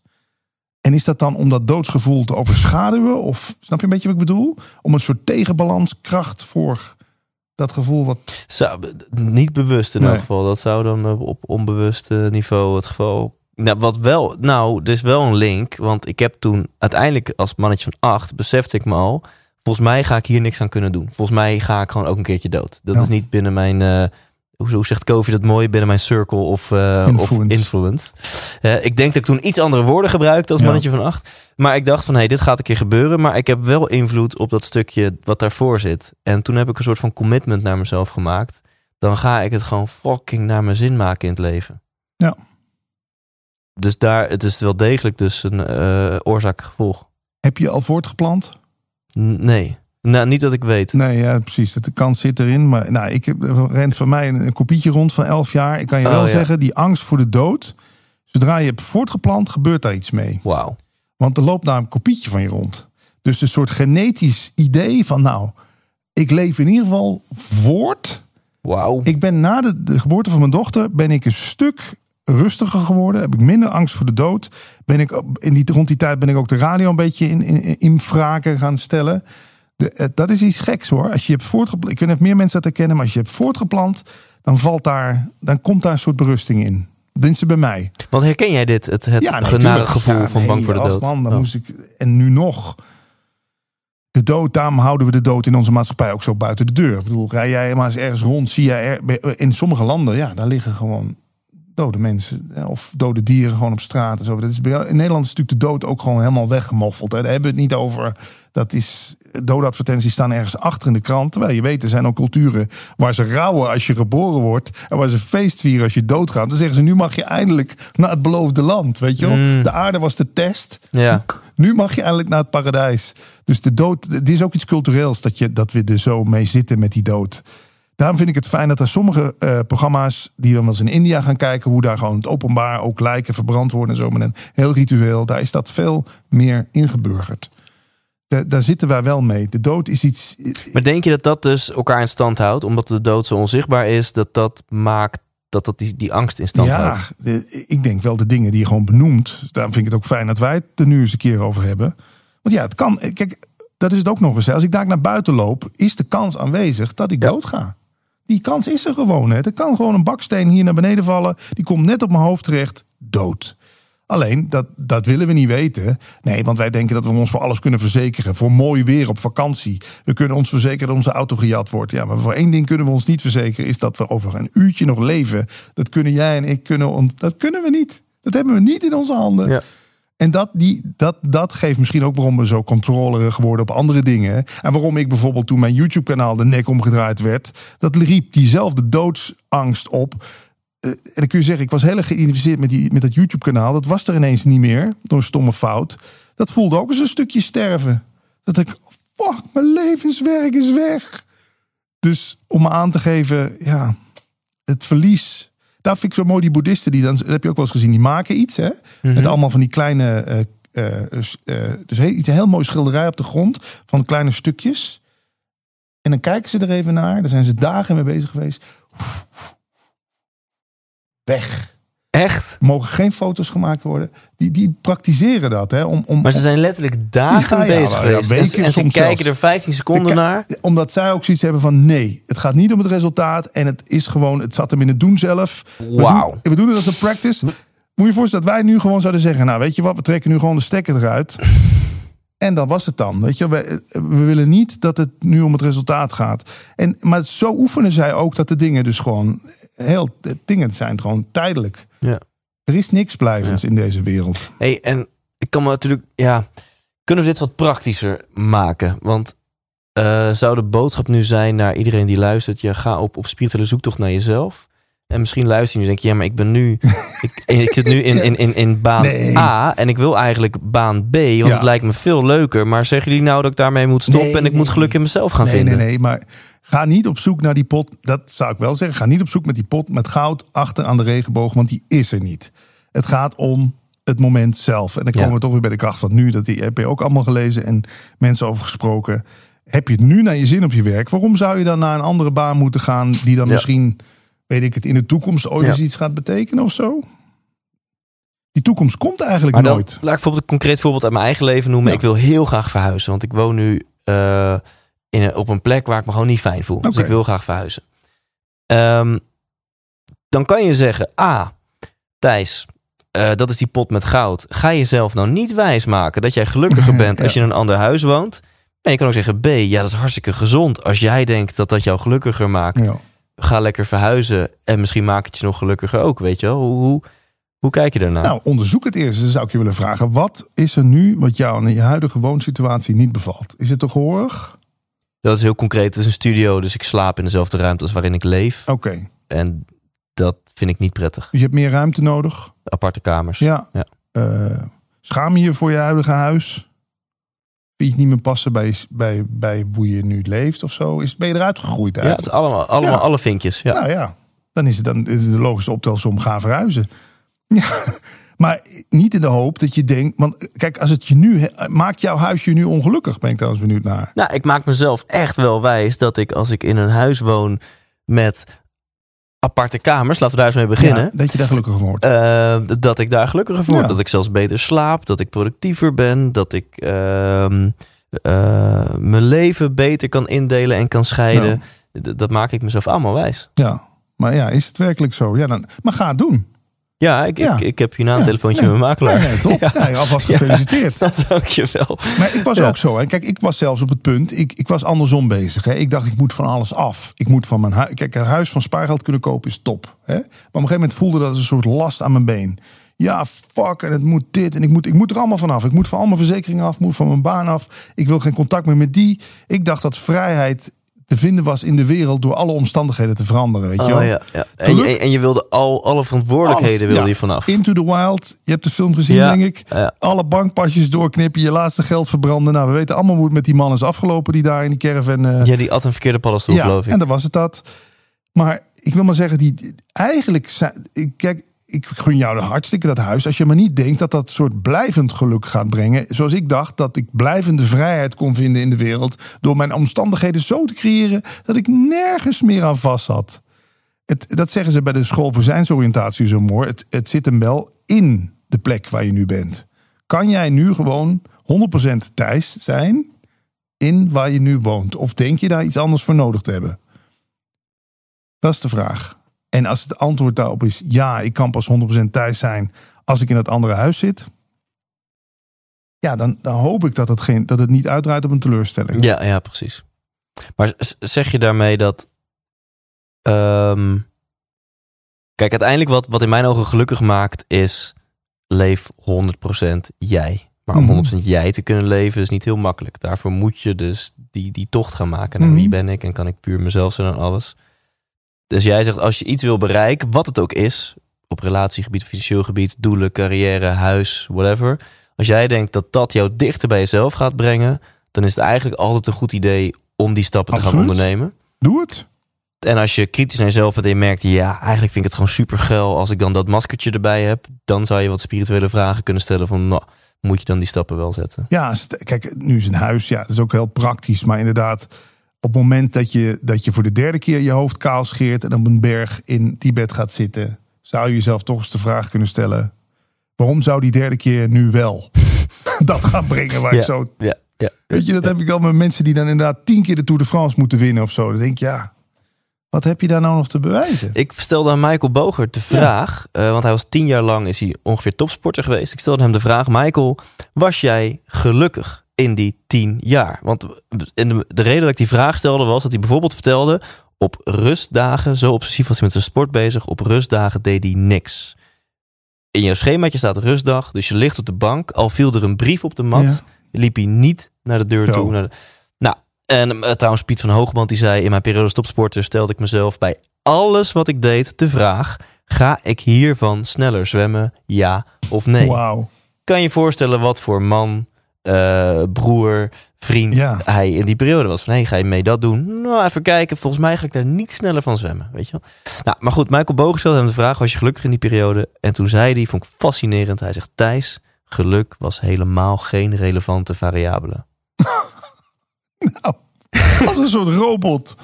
Ja. Geluk was geen, hij zegt, de enige relevante variabele was de beste, snelste wielrenner ter wereld zijn en worden. En dit is hem gelukt. Gelukt. Het woord geluk ook al in, hè? Ja, ja. Ja, nee, ja, knap. Ik, ik, ik wijs dat ook helemaal niet af. Ik vind het wel mooi dat boeddhisten, er zijn wel eens boeddhisten. Dan kom ik toch weer met mijn boeddhisten. Maar die zijn wel eens bij... Ja, je hebt alles weer spiritueel te Ja, maken. nee, nee, ja, nee, dat vind ik zo prima. interessant. Die waren Ja. wel eens bij een Nederlandse hardloopwedstrijd. Eh, Die anekdote heb ik overigens van Paul Smit. Die zei, boeddhisten waren bij een Nederlandse hardloopwedstrijd. Die stonden daar zo gezellig te kijken. En toen was het afgelopen. Zeggen ze, waarom krijgt die eerste alleen een medaille? Ze hebben toch allemaal de finish gehaald? Dacht ik, ja, dat is gewoon hoe wij denken. Eh, Mart Smeets heeft al gezegd, de nummer twee is de aanvoerder van de verliezers. Ja, dat is toch eigenlijk de- de- dat schandalige van altijd maar die eerste te belonen. En de rest zijn dus blijkbaar Ja. de losers. Ja. Dat heb ik wel een beetje op tegen van al die wedstrijden. Waarbij we inderdaad alleen die Keniaan die als eerste over de finish komt. Al die arme mensen die ook die marathon gerend hebben. In die bloedhitte.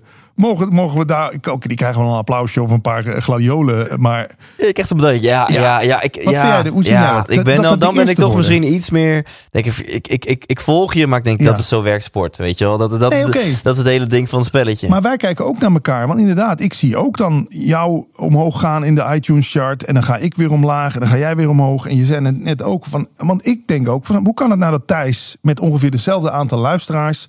Die staat dan op 90, ik noem maar wat. En ik sta op 40. Wat zegt dat? Zegt dat dat ik een betere podcast maak dan jij? Nee. Het, het- en, die cijfers, daar gaat een gedeelte in mijn boek ook over. Dat vind ik zo fascinerend. Hoe wij elkaar allemaal eh, afrekenen. En onszelf ook. Ja. Ons eigen waarde laten afhangen van het salaris in cijfers. Van de tijd die we rennen met de marathon.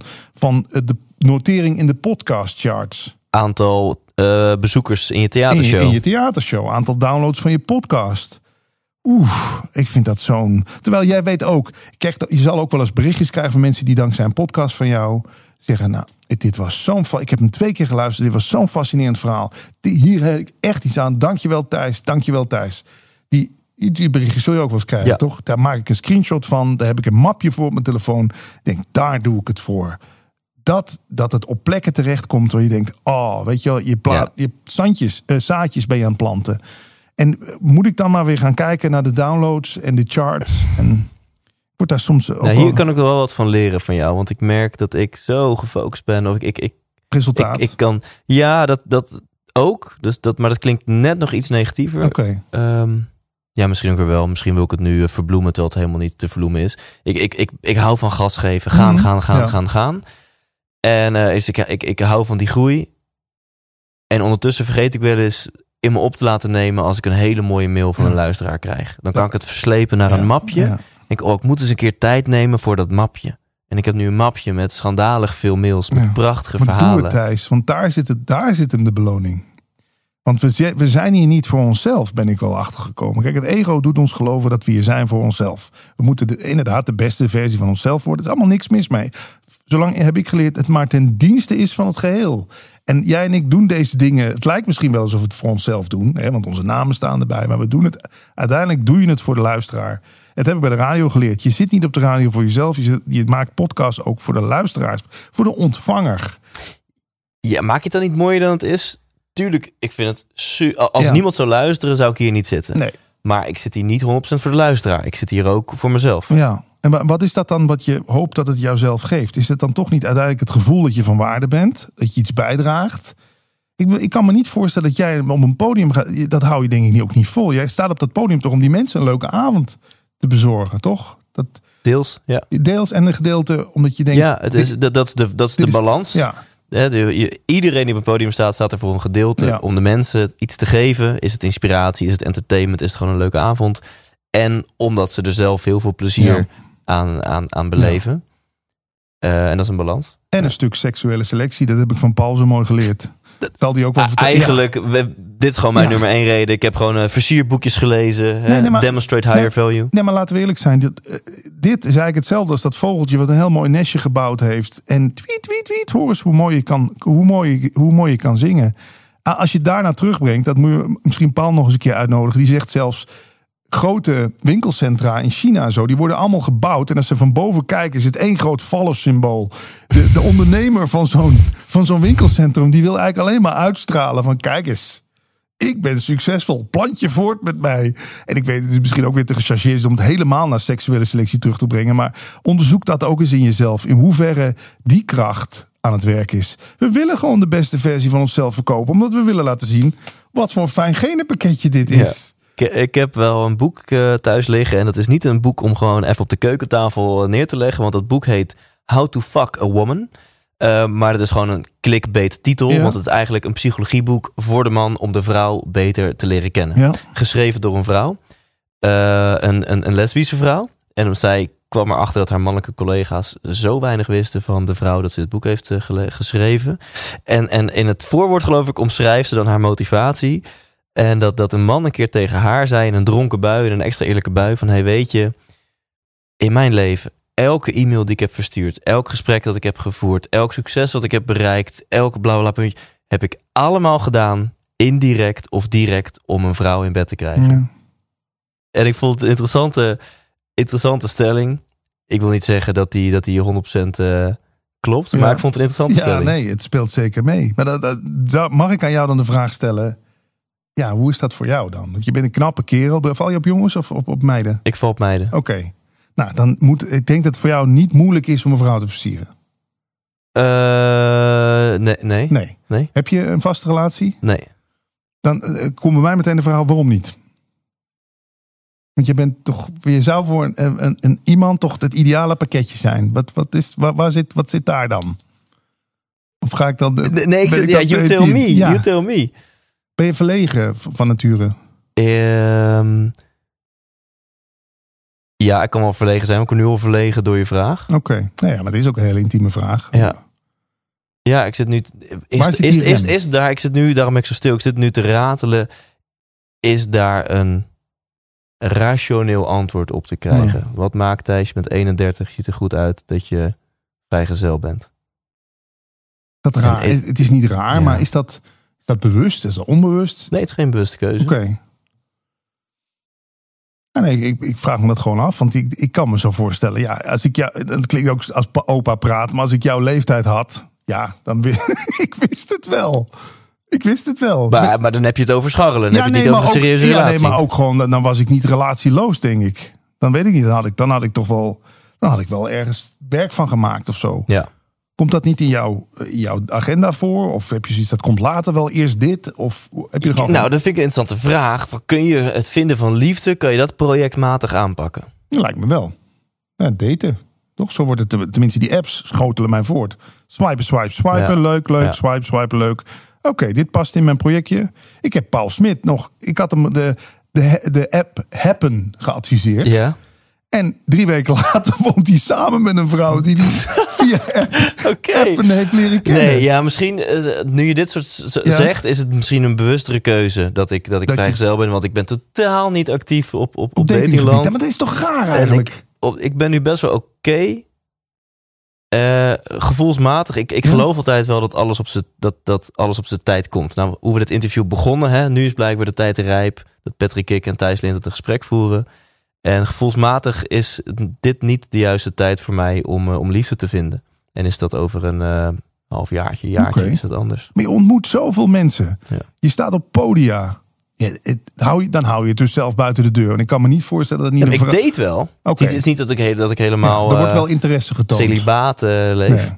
Ik vind Er wordt wel interesse getoond. Ja, nee, dat vind ik interessant gewoon. Want ik, ja, Wat maakt dat je dat zo interessant vindt? Ja, omdat ik zelf natuurlijk, voor mij is dat altijd ook een drijfveer geweest met die podia. En toen ik, jou, ja, dat klinkt, toen ik jouw leeftijd had, 31, dus 14 jaar geleden. Ja, ik was niet gauw vrijgezel. Dat was, want er lag zoveel, er was zoveel in de aanbieding, zullen we maar zeggen. Wat, dat vind ik, ik vind dat dan interessant aan jou, hoe Ja. jij dat buiten de deur houdt. Nou, maar als je zegt, ik, kijk, ik heb. Ik, ehm, ik vind een grote stap een relatie. Tuurlijk, en het klinkt dan misschien fout, maar goed, dan klinkt het maar fout. Als ik zou willen, heb ik, heb ik zo'n relatie. ja. Wat Maar ik wil wel settelen voor iets wat, wat 100% Oh, nou, goed dat vind ik mooi om te horen. Ja, ik ben altijd geweest van ik, duik, ik dook maar gewoon ergens nee, in. nee. Jij duikt niet zomaar Nee, nee, absoluut in. niet, nee. nou, dat is dat. Klinkt, eigenlijk is dat best volwassen. Robert Jens heeft ooit eens tegen mij gezegd: Patrick, let nou op, want je duikt weer de volgende relatie in. Je komt in een soort wasmachine terecht. Die, en voor je het weet, kom je er niet meer uit. Let, we- wees daar nou eens wat selectiever in. Ja. Maar dan, dan kunnen we hem omdraaien. Ja. Hè? Want we kunnen over mij zeggen dat ik misschien te kritisch Ja, ja, ja. ben of te angstig of whatever. Eh, eh, bij jou is het andersom. Jij wilde juist back-to-back telkens relaties. Absoluut. Eh, en de, de, oftewel, je wilde niet alleen zijn. Ja, ook de angst voor de leegte, de angst voor eenzaamheid. Ik ben natuurlijk uit Limburg verhuisd naar het Gooi om daar mijn succes te halen, blijkbaar. Je verliest je tribe. Ik weet niet of, jij, of nog veel familie van jou hier in de omgeving woont. Vriendengroep. Ik, woon nu zelf, ik woon nu zelf niet meer. Eh, maar mijn tribe woont Ja. dan wel hier. Ja. Oké, Ja. dus je hebt al je veilige. Nee, voor mij was echt die relaties was steeds ook de familie vond ik altijd heel belangrijk van die van die eh, relaties. Want ik werd een soort opgenomen in een veilige Oh, tribe. Wauw. Ja, wauw. zo heb ik het voor mezelf later. Want je zou wel kunnen denken, ja, die jongen kan niet alleen zijn. Nou, maar op een veel basaler niveau. Ik voelde me onveilig in mijn eentje in Hilversum. Met niemand om me heen waar ik op terug kon vallen. En mijn familie en mijn vrienden allemaal in Limburg. Dus voor mij werd dat, dat werd mijn tribe. De vriendin plus familie. Ik ben ook in relaties blijven hangen. Soms een jaar te lang. Ik denk, ja, maar ik kan hier niet uit. Want ik verlies mijn, Ja, dat is heel eerlijk van ja, mijn stam. Ja. En dat zit echt, dat zul je ook in al die interviews hebben ontdekt. Dat oerbrein van ons, hè, wat gewoon zo bang is om de groep te verliezen. Hè, Paul praat daar ook vaak over. Ja. Dat, dat, dat zit zo in ons. Dat oergevoel van als ik de groep kwijtraak, dan ga ik dood. Dat was een paar duizend jaar geleden nog zo. Hè? Als jij, dan was je gewoon de dode opgeschreven als je de groep kwijtraakte. Dan Ja. was het gebeurd met je. Ja. Dat zit nog zo in ons. Dat heb ik ook nog steeds met. met toen dat had ik zelfs toen bij Veronica wegging, na twaalf jaar.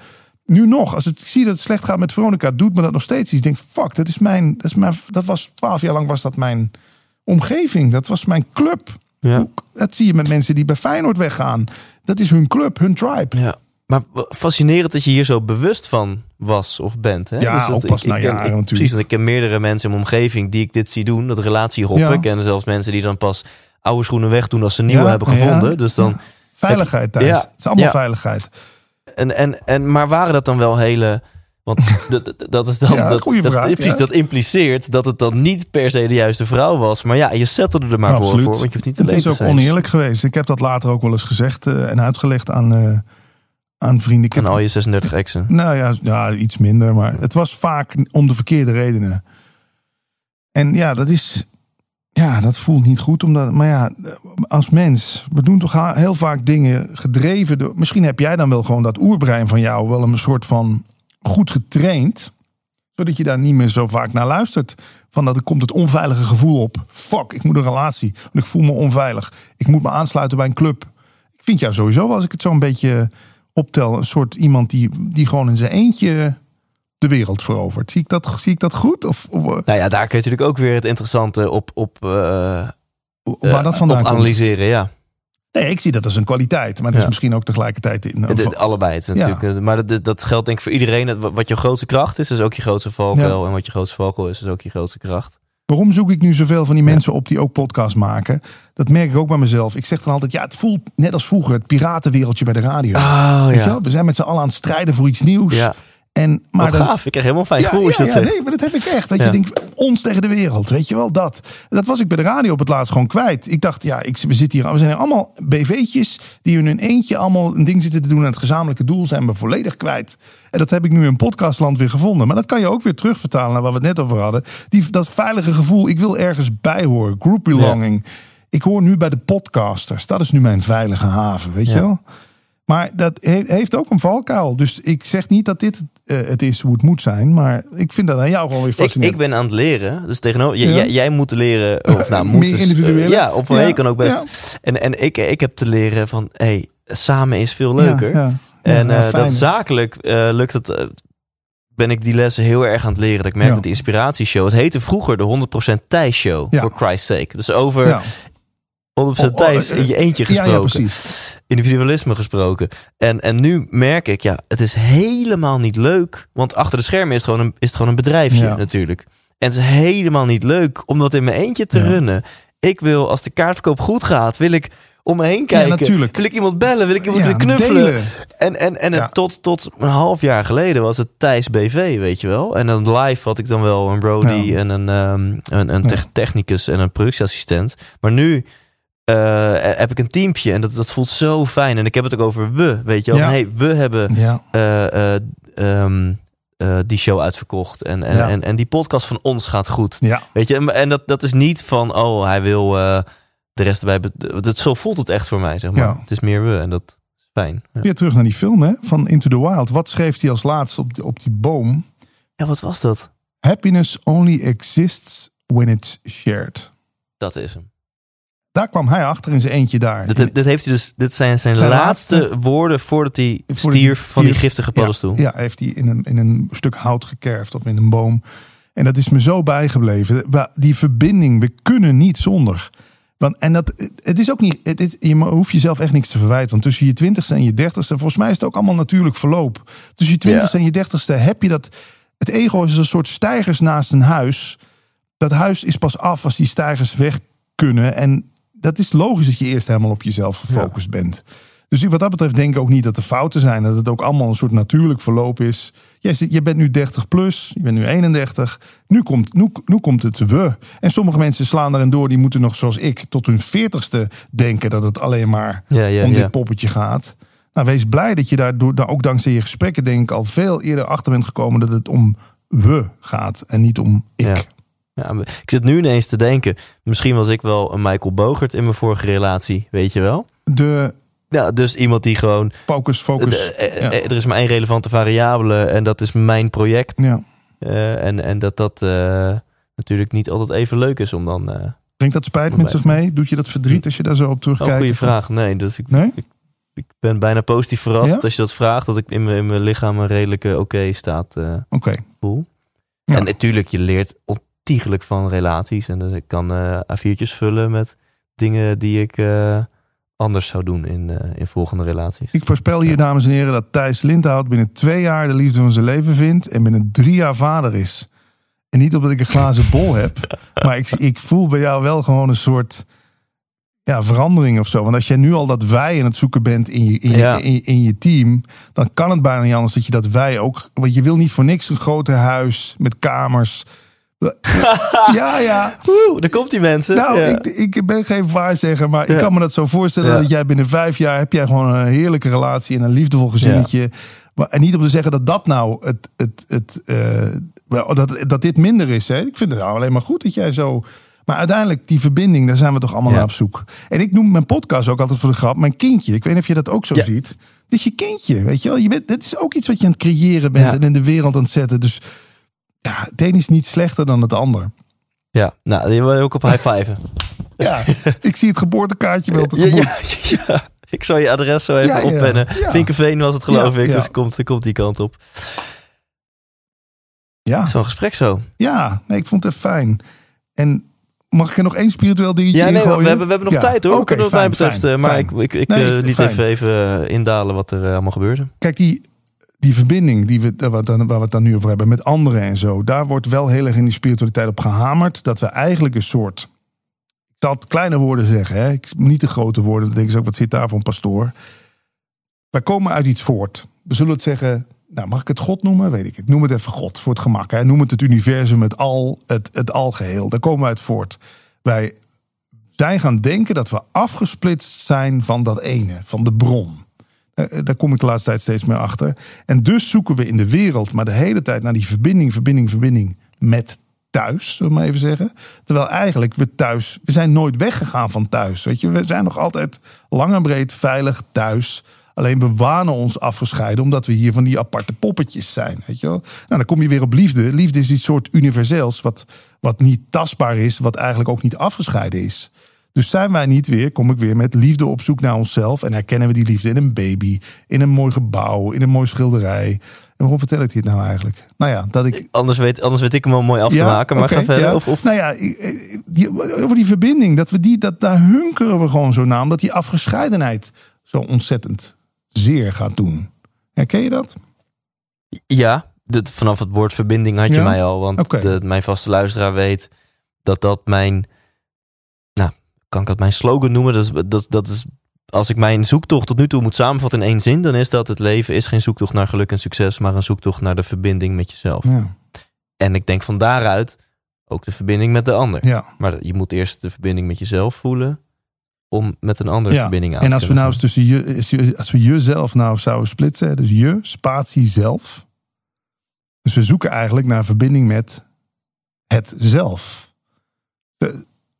Zo zou ik hem Met het geheel. Met de, ja, het, het ene, het ene zelf. Weet je wel, daar kom ik toch weer bij non-dualiteit. Eh, Er, is hier, Ja. er lijken er hier twee te zitten, maar het is één. Het is eigenlijk één zelf wat met zichzelf praat. Snap je een beetje wat ik bedoel? Net als, ja, Nou ja, Napoleon Hill heeft het over de oneindige intelligentie. Alsof we allemaal energetisch zijn we gewoon zo ingetuned. En we Ja, wijzen nu ja, allebei naar ja, ons nek, soort van, of, ons kruintje, whatever. Zitten we allemaal ingeplucht in, in, de, in energie, in de kosmos. één bron. Ja. En dat, dat is het gekke. Daar hebben ze ook experimenten mee gedaan. Dat is super interessant om eens op te zoeken. Op een, ge- op een gegeven moment gingen ehm, eh, apen aan de ene kant van de wereld, in Australië, gingen ze eerst hun aardappels wassen in het water voordat ze ze aten. Ineens gingen apen aan de andere kant van de wereld dat ook doen. Hoe kunnen die dat van elkaar weten? Hebben die elkaar gebeld? Hebben die elkaar brieven gestuurd? Nee. Het is inderdaad die ene universele intelligentie die ineens uitvindt van blijkbaar is het lekkerder als je eerst een aardappel wast en hem dan in je mond stopt. Gingen ze het daar ook doen. Er zijn experimenten met katten die in, aan twee kanten van de wereld hetzelfde gingen doen. Het, eh, eh, hoe noemen ze dat met een chic woord? Een morfisch veld, geloof ik. Daar komen ze steeds meer achter dat het eigenlijk gewoon bij putten inderdaad allemaal uit het ene grote internet. En daarom is het internet ook zo mooi. Iedereen googelt op iets en vindt een antwoord. Nou, blijkbaar is, werkt dat met intelligentie inderdaad ook zo. Ineens wordt ergens aan de ene kant van de wereld iets uitgevonden, het wiel. En het wiel wordt aan de andere kant van de wereld ook uitgevonden. Ja. Ja. is ook eerlijk eigenlijk. Ik vind het fascinerend wanneer je ogenschijnlijk spirituele statements gewoon super wetenschappelijk kunt Ja. onderbouwen. En ehm, vol- steeds volgens mij is dit het, ja, hetzelfde geldt als je een ruimte inloopt en je zegt, oh, ik voel dat hier iets, dat, Net dat, ruzie dat, geweest een ruzie is Ja. of zo. Dan denk ik, ja, volgens mij, misschien is dat een zesde zintuig. Of misschien is dat gewoon de informatie die via de vijf zintuigen binnenkomt. En het netto resultaat van al die data is in ons data control center van hé, hey, er is iets, hier iets niet goed. Ja. Is een mooie film van, hè? What the bleep do we know? Als je hem kent, Nee? daar komt eh, spiritualiteit en, en, en wetenschap eigenlijk bij elkaar. Dan gaan ze bijvoorbeeld ook heel erg... Maar hebben ze drie flessen water. Tegen de een gaan ze schreeuwen. Oh, ja, dat Haast- experiment ken Ja, ik. ken Het ik, ja. ik, ken, ik ken het rijstexperiment. Ja. Ja, en dan maken ze daarna, bevriezen ze dat water. En dan zien ze in de kristallen gewoon echt verschil in wat met liefde behandeld is. En wat. Ik weet niet of jij dat ook met je auto hebt. Ik moet daar nu aan denken. Mijn auto is nu. Mijn auto en ik zijn 12,5 jaar samen. Dus we gaan misschien vanavond uit eten in de McDrive. Oh god. Weet ik niet, weet ik niet. Ja, ja, ja. Maar om maar te zeggen, ik weet niet of jij dat ook wel eens doet. Maar ik, ik bedank mijn auto, zeker in de winter, dat hij nog steeds start. En dan zegt mijn vriendin, mijn vriendin herkent dat. Die doet dat zelfs. Die, mijn vriendin is ook een millennial, helemaal in de planten. Dus die, die is ook helemaal lief aan haar plantjes aan het geven. Ik denk, hoe weten wij nou 100% zeker, 100% inspiratie podcast, Mhm. dat die auto op de een of andere manier niet ook met ons resoneert? Wij gaan er nu vanuit dat dit allemaal niet leeft. Hè? Maar ik heb toch, en al is het een soort self-fulfilling prophecy. Ik denk, als mijn auto weer gestart is, dan doe ik even zo op het stuur. Zeg ik, goed gedaan jongen. We rijden weer. Weet je wel? Ik heb echt een verbinding met dat ding. Want wij worden toch ook één eigenlijk. Als, ik te- als jij mij vraagt, waar sta je? Dan zeg ik, ik sta aan de overkant. Ik sta niet aan de overkant. De auto staat ja, aan de ja, overkant. ja. Maar dus zo zie je we ons, als mijn vriendin op een paard zit, worden zij, wordt zij met het paard. Ze zegt ook, dat is geen kwestie van commando's geven. Wij voelen elkaar aan. En ja, waarmee waar wil ik met dit verhaal naartoe? Dat, we, ja, dat het gewoon toch een samenwerking Nou, is. nou is een auto natuurlijk wel een hoopje grondstoffen bij elkaar. ja, en een paard is iets organisch. Ja. Maar hoe kunnen wij met 100% zekerheid zeggen dat niet uiteindelijk onder een mi- microscoop is die microfoon en deze hand bestaat allemaal uit bewegende deeltjes. Hè? Dus we Ja. zeggen nu dit is iets doods en een hand is iets levens. Ik vind dat altijd interessant, dat probeer ik in mijn podcast Ja. Leven zonder stress ook, om dat te onderzoeken. Is het allemaal Mooi, mooi hoe je toch weer subtiel zo... Ja, zo eh, ja, hoor je dat dames en heren? Ja, dat ben ik radio podcast? Leef zonder stress. Nee, ja, eh, nu te downloaden op iTunes, Spotify. En, Ja, maar luister vooral 100% thuis. Een betere geluidskwaliteit. Heeft een intro jingle. En eh, gaat langer met mensen in gesprek. En je hebt ook eigenlijk eerlijk, als we eerlijk zijn, grotere namen. Ik ben daar soms wel eens jaloers op. Ik denk, potverdomme, daar heeft hij ineens weer. Wie heb je niet allemaal gehad? Ja, wel, wel heel wat, Ja. wat grote namen, ja. Ja, dat is- je mag Dus dat best, Ik, had- aflevering 8 was met 8 of 9 was met André Kuipers. Ja, dat- hoe, vertel me daar eens het geheim van dan. Hoe, want, Eh. Dat is, oké, dat is misschien wel leuk om dan Hoe eh, krijg je dat voor al elkaar? zweverige gelul om gewoon even, wat concreet, praktischer. Hoe krijgt Thijs dat nou voor elkaar? Nou, ik kan, het André Kuipers verhaal eh, gaat helemaal terug naar eh, eh, mijn periode dat ik eh, boekjes aan het lezen was over hoe je vrouwen kunt versieren.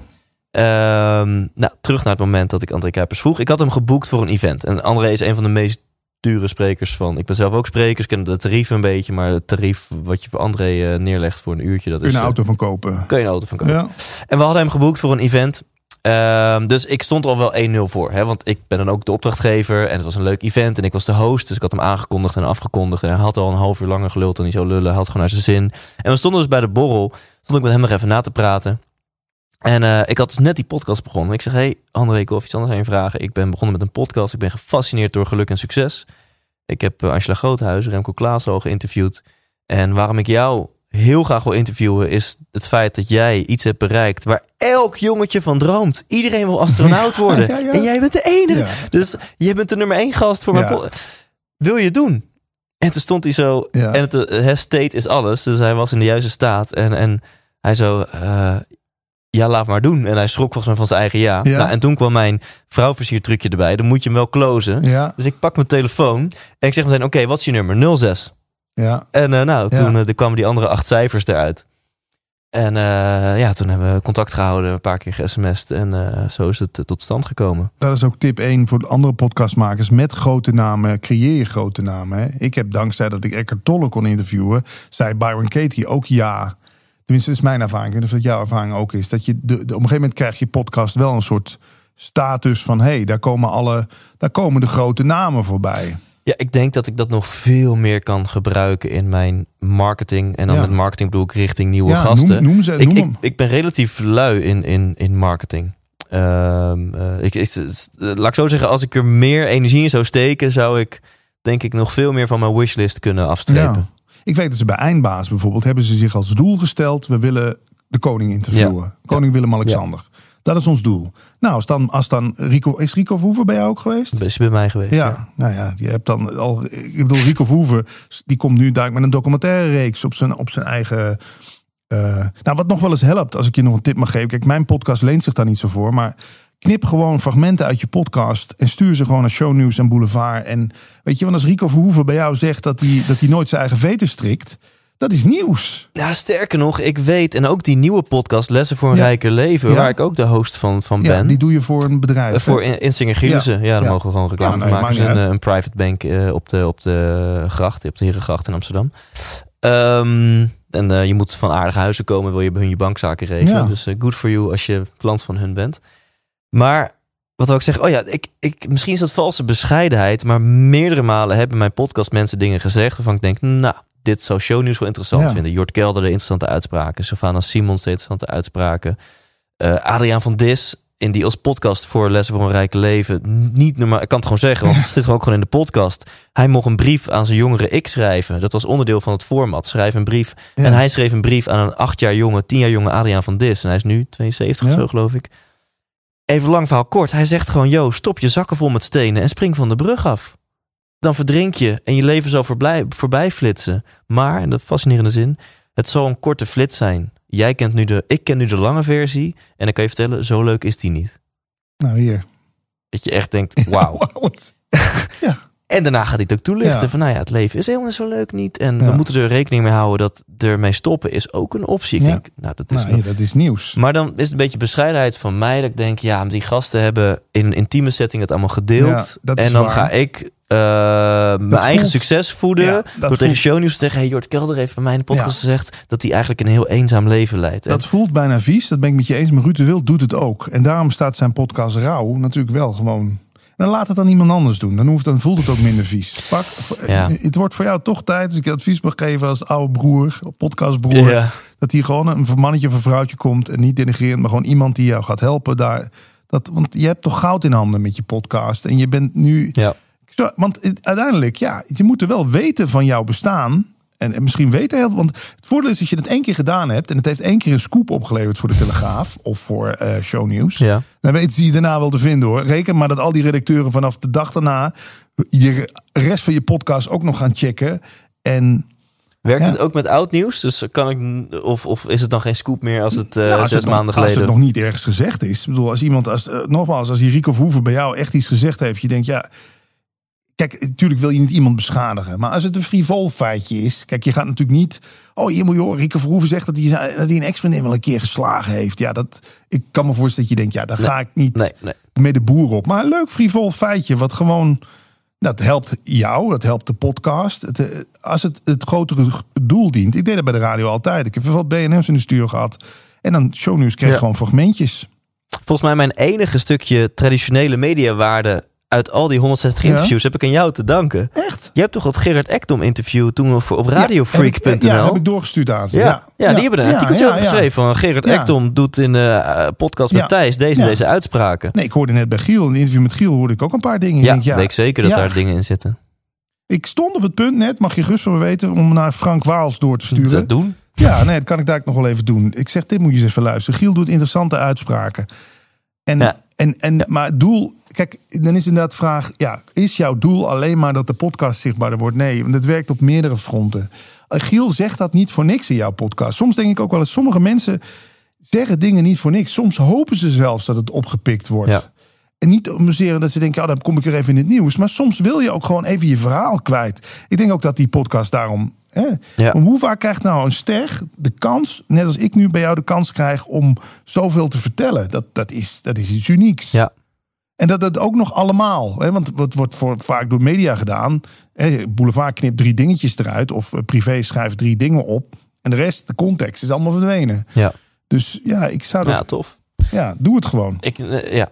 Ik neem het zeker een heroverweging. Dat, Heroverweging, ja. Nou, sterker nog, ik, dat ene voorbeeld, dat vind ik dan een beetje sluw. Of in ieder geval, dat noemde ik dan heel snel even tussendoor. Dat Jort Kelder zei in mijn podcast. Was hij heel openlijk over hoe eenzaam die eigenlijk is. Ja. Dan, dan wringt het een beetje. liefde, hè? Dat is een roep om liefde. Ja, maar dan denk ik, zit hij erop te wachten dat morgen op de kop van de Telegraaf is... Jort Kelder is eigenlijk heel eenzaam. Ja, ik zie dat toch als onschuld. Ik zie dat, Ja? Ja, ik zie dat als iemand die, die dat niet voor niks zegt. Hij zegt het niet voor niks. Misschien snakt hij inderdaad wel nadat iemand hem daar een keer mee gaat helpen. Want daar krijg je niet, ik denk op die uitspraak krijg je niet, daar krijg je ook hartverwarmende reacties op. Daar krijgen misschien vrienden van Jort Kelder die dat lezen denken, fuck. Ik Ja, dacht dat het altijd zo goed met hem ging. Ik ga hem nog eens opzoeken. Snap je wat ik bedoel? Ja, ja. ik zie dat eerder als ik denk van ja, dat, moet- de, ja, daar zit een soort gevoel onder van wat, dat dit moet gehoord worden of zo. Dat, eh, ik denk dat dat kun je heel goed bij jezelf toetsen. Ben jij nu aan het sensatie zoeken? Of denk je op de een of andere manier help ik ook nog Jort hier nog wel een beetje? Nou, jij, met, met deze Uitleg. reframe Ja, help je ja, mij ja, om het meer zo te zien. Maar als we het hebben over grote gasten. Ik bedoel, ik heb inderdaad in Nederland heb ik wel de, heel wat van de A-klasse BN'ers zeg maar gehad.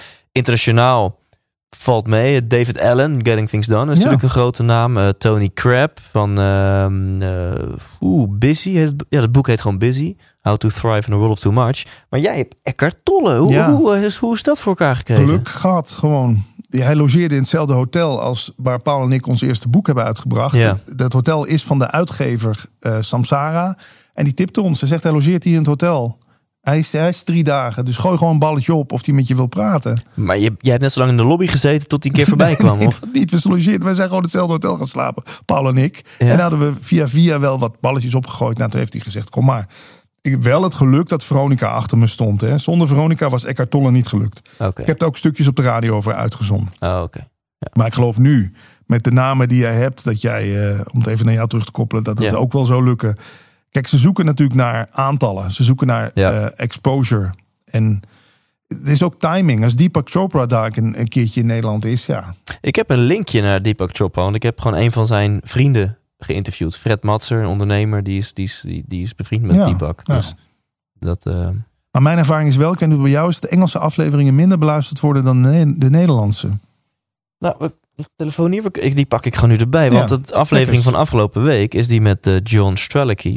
Echt, eh, eh, ik denk een pareltje. Want toen ik het opnam, had ik zoiets van wauw, dit is Ja? gaaf. Maar dat kan wel eens anders zijn als ik het Ja, terugluister. Ik heb ja. hem nog niet teruggeluisterd.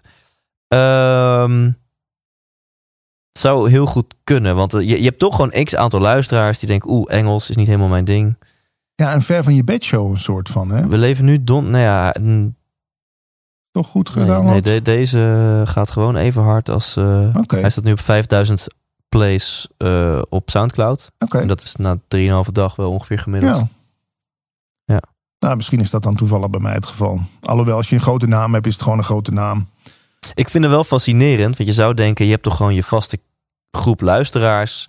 En zoveel fluctueert dat niet. Maar het fluctueert best wel. Dus je hebt Hm. goed nieuws verspreidt snel. Dus als blijkbaar een podcast net eventjes wat beter is dan Ja. een andere, dan gaan mensen erover praten bij Ja. hun collega's, vrienden, familie. Linkjes delen. Ja, en dan zie je Ja. echt ineens van nou, oh, die is 8000 keer beluisterd, maar die is 14.000 keer beluisterd. Ja. En je bent ook heel actief op Instagram, of niet? Ja, ja daar ben ik, eh, ja, zeker. Ik, eh, ik verlang naar de 10.000 eh, volgers. Want dan ben je echt gelukkig. Als Da- je dan 10.000 stel je mee. Hè? dan heb je de swipe-up in je stories. Is dat zo? Dan- Ja, dan ken, je, mag- ken je Instagram een beetje? ja, een beetje. Ja. dus, Van 10k mag je pas een swipe-up doen. ja, dus dan kan je in je stories zeggen... Yo, koop tickets voor mijn theatershow. of yo, check deze podcast. Swipe up. Dus, Hoe gaan we daarvoor zorgen? nou, nou, dat vind ik leuk. Ik zit nu op 8200. Dus ik moet nog 1800. Ja. Ehm, en we leven nu eind november. Ja, ik wil eigenlijk niet tot 2020 wachten met 10.000 volgers. Dus Hm. het moet wel een maandje gebeuren. ja.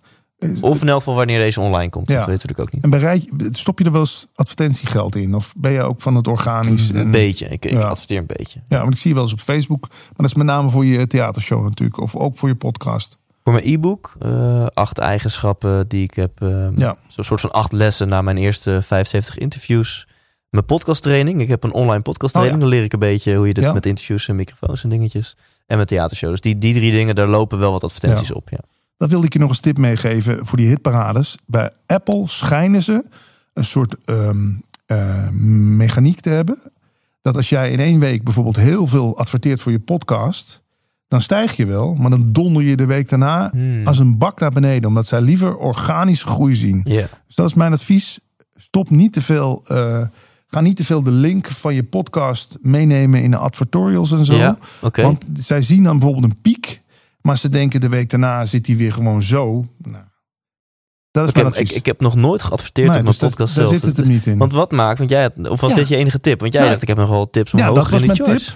Ja, mijn tip is ook: doe eh, in je naam, en dat doe je volgens mij al, in je titel van je podcast dingen waar mensen op zoeken. Maar dat doe je volgens mij ook al. Hè? Mm, Dat doe ik op gevoel. Dus, dus ik zou nu zeg maar, voor de, om, om, om de titel te bepalen van dit interview, zou ik eigenlijk bij Google Patrick Kikker in moeten tikken.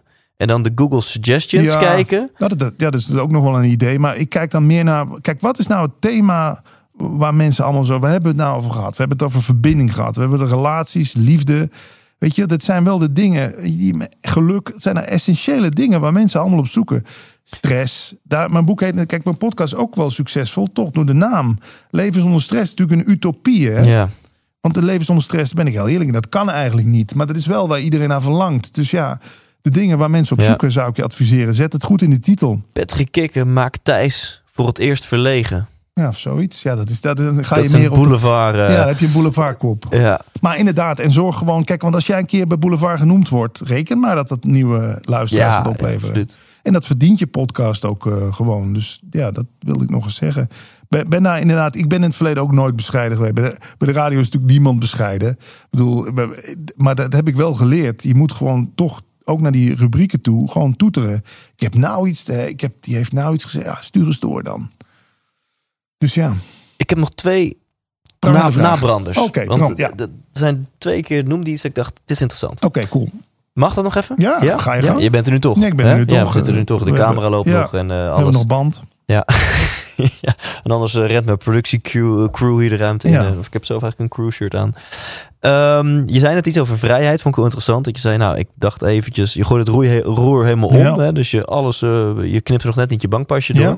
En dat doet me denken aan een uitspraak van, uh, van Tony Loorbach. Die heeft een podcast samen met Albert Sonneveld. Uh, twee hele wijze mannen die, die samen lekker filosoferen over de psychologie achter succes. Mm -hmm. En uh, ik kan dit delen, want Tony deelt dit ook gewoon in het openbaar. Dat uh, Albert is coach geweest van Tony. En Tony heeft ook een burn-out gehad. En toen vroeg Albert geloof ik aan Tony van... hé, hey, maar wat, wat wil je nou in het leven? Zei Tony, nou, ik wil vrijheid.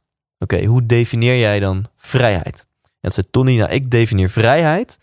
om altijd te kunnen doen wat ik wil waar ik wil, wanneer ik wil, hoe ik het wil en daarin van niemand afhankelijk ben. Wauw. En toen zei Albert, oh dat is interessant. Mijn definitie van vrijheid is de volledige acceptatie dat ik in het leven voor alles van andere mensen afhankelijk ben. Precies. En toen zei Tony van, nou, is ongeveer hetzelfde, toch? Ja, precies, exact het tegenovergestelde.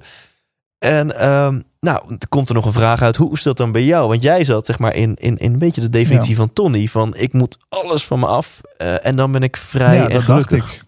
Maar het gaat om vrijheid vinden in de omstandigheden. Ik kom toch altijd met het voorbeeld van Viktor Frankl. Zegt die naam je wat? Dat is een, een ja, natuurlijk. Een mens meaning. Ja, die heeft in die kampen gezeten. En die vond in zo'n verschrikkelijke omstandigheden in Auschwitz...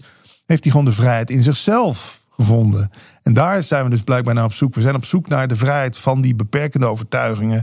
Van het idee dat iets anders moet zijn dan het is. Dan kan ik pas gelukkig zijn. En ik weet, we hebben makkelijk lullen. We zijn twee blanke mannen. Hè, die een rekening hebben, maar genoeg op staat. We zitten hier in een veilig gebouw. Ik weet, maar dat die man is voor mij het ultieme voorbeeld van dat vrijheid hem dus niet in de omstandigheden zit. Het is een soort iets van binnen. Dat je je vrij kunt voelen ondanks, niet dankzij. Dus ik kan me vrij voelen ondanks mijn schulden. Ik kan me vrij voelen ondanks dat hier het gebouw uh, staat te wankelen en het bijna in elkaar dondert. Ja, dat, dat is wel de vrijheid waar ik naar op zoek ben. Ja, en is dat te trainen? Of heb je Ja. gewoon pech als je daar wat minder goed in bent? Nee, dat schijnt in ons allemaal te zitten.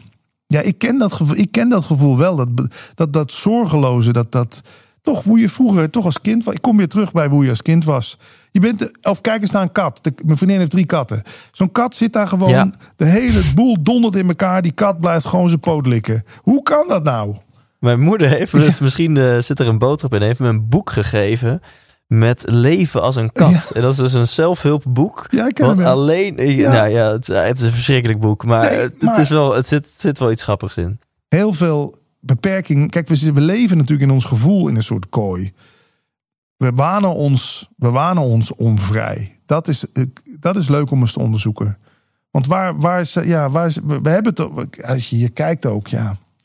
Je, dankbaarheid hebben we het nog niet eens over gehad. Daar kun je misschien eens een volgende keer over hebben als ik jou interview. Maar dankbaarheid is, dan, dan ga je op een gegeven moment ook inzien, waar zit ik nou eigenlijk over te zeuren, man? Weet je wel, dat ik, dat ik nu daar in de file kom te staan, is dat nou het ergste wat me kan gebeuren? Weet je wel? Dat, zo was ik ook, hè. Ik ging allemaal omrijden. Ik gaat me niet gebeuren dat ik in de file kom. Mhm. Mijn hele auto onder de bagger en de stront.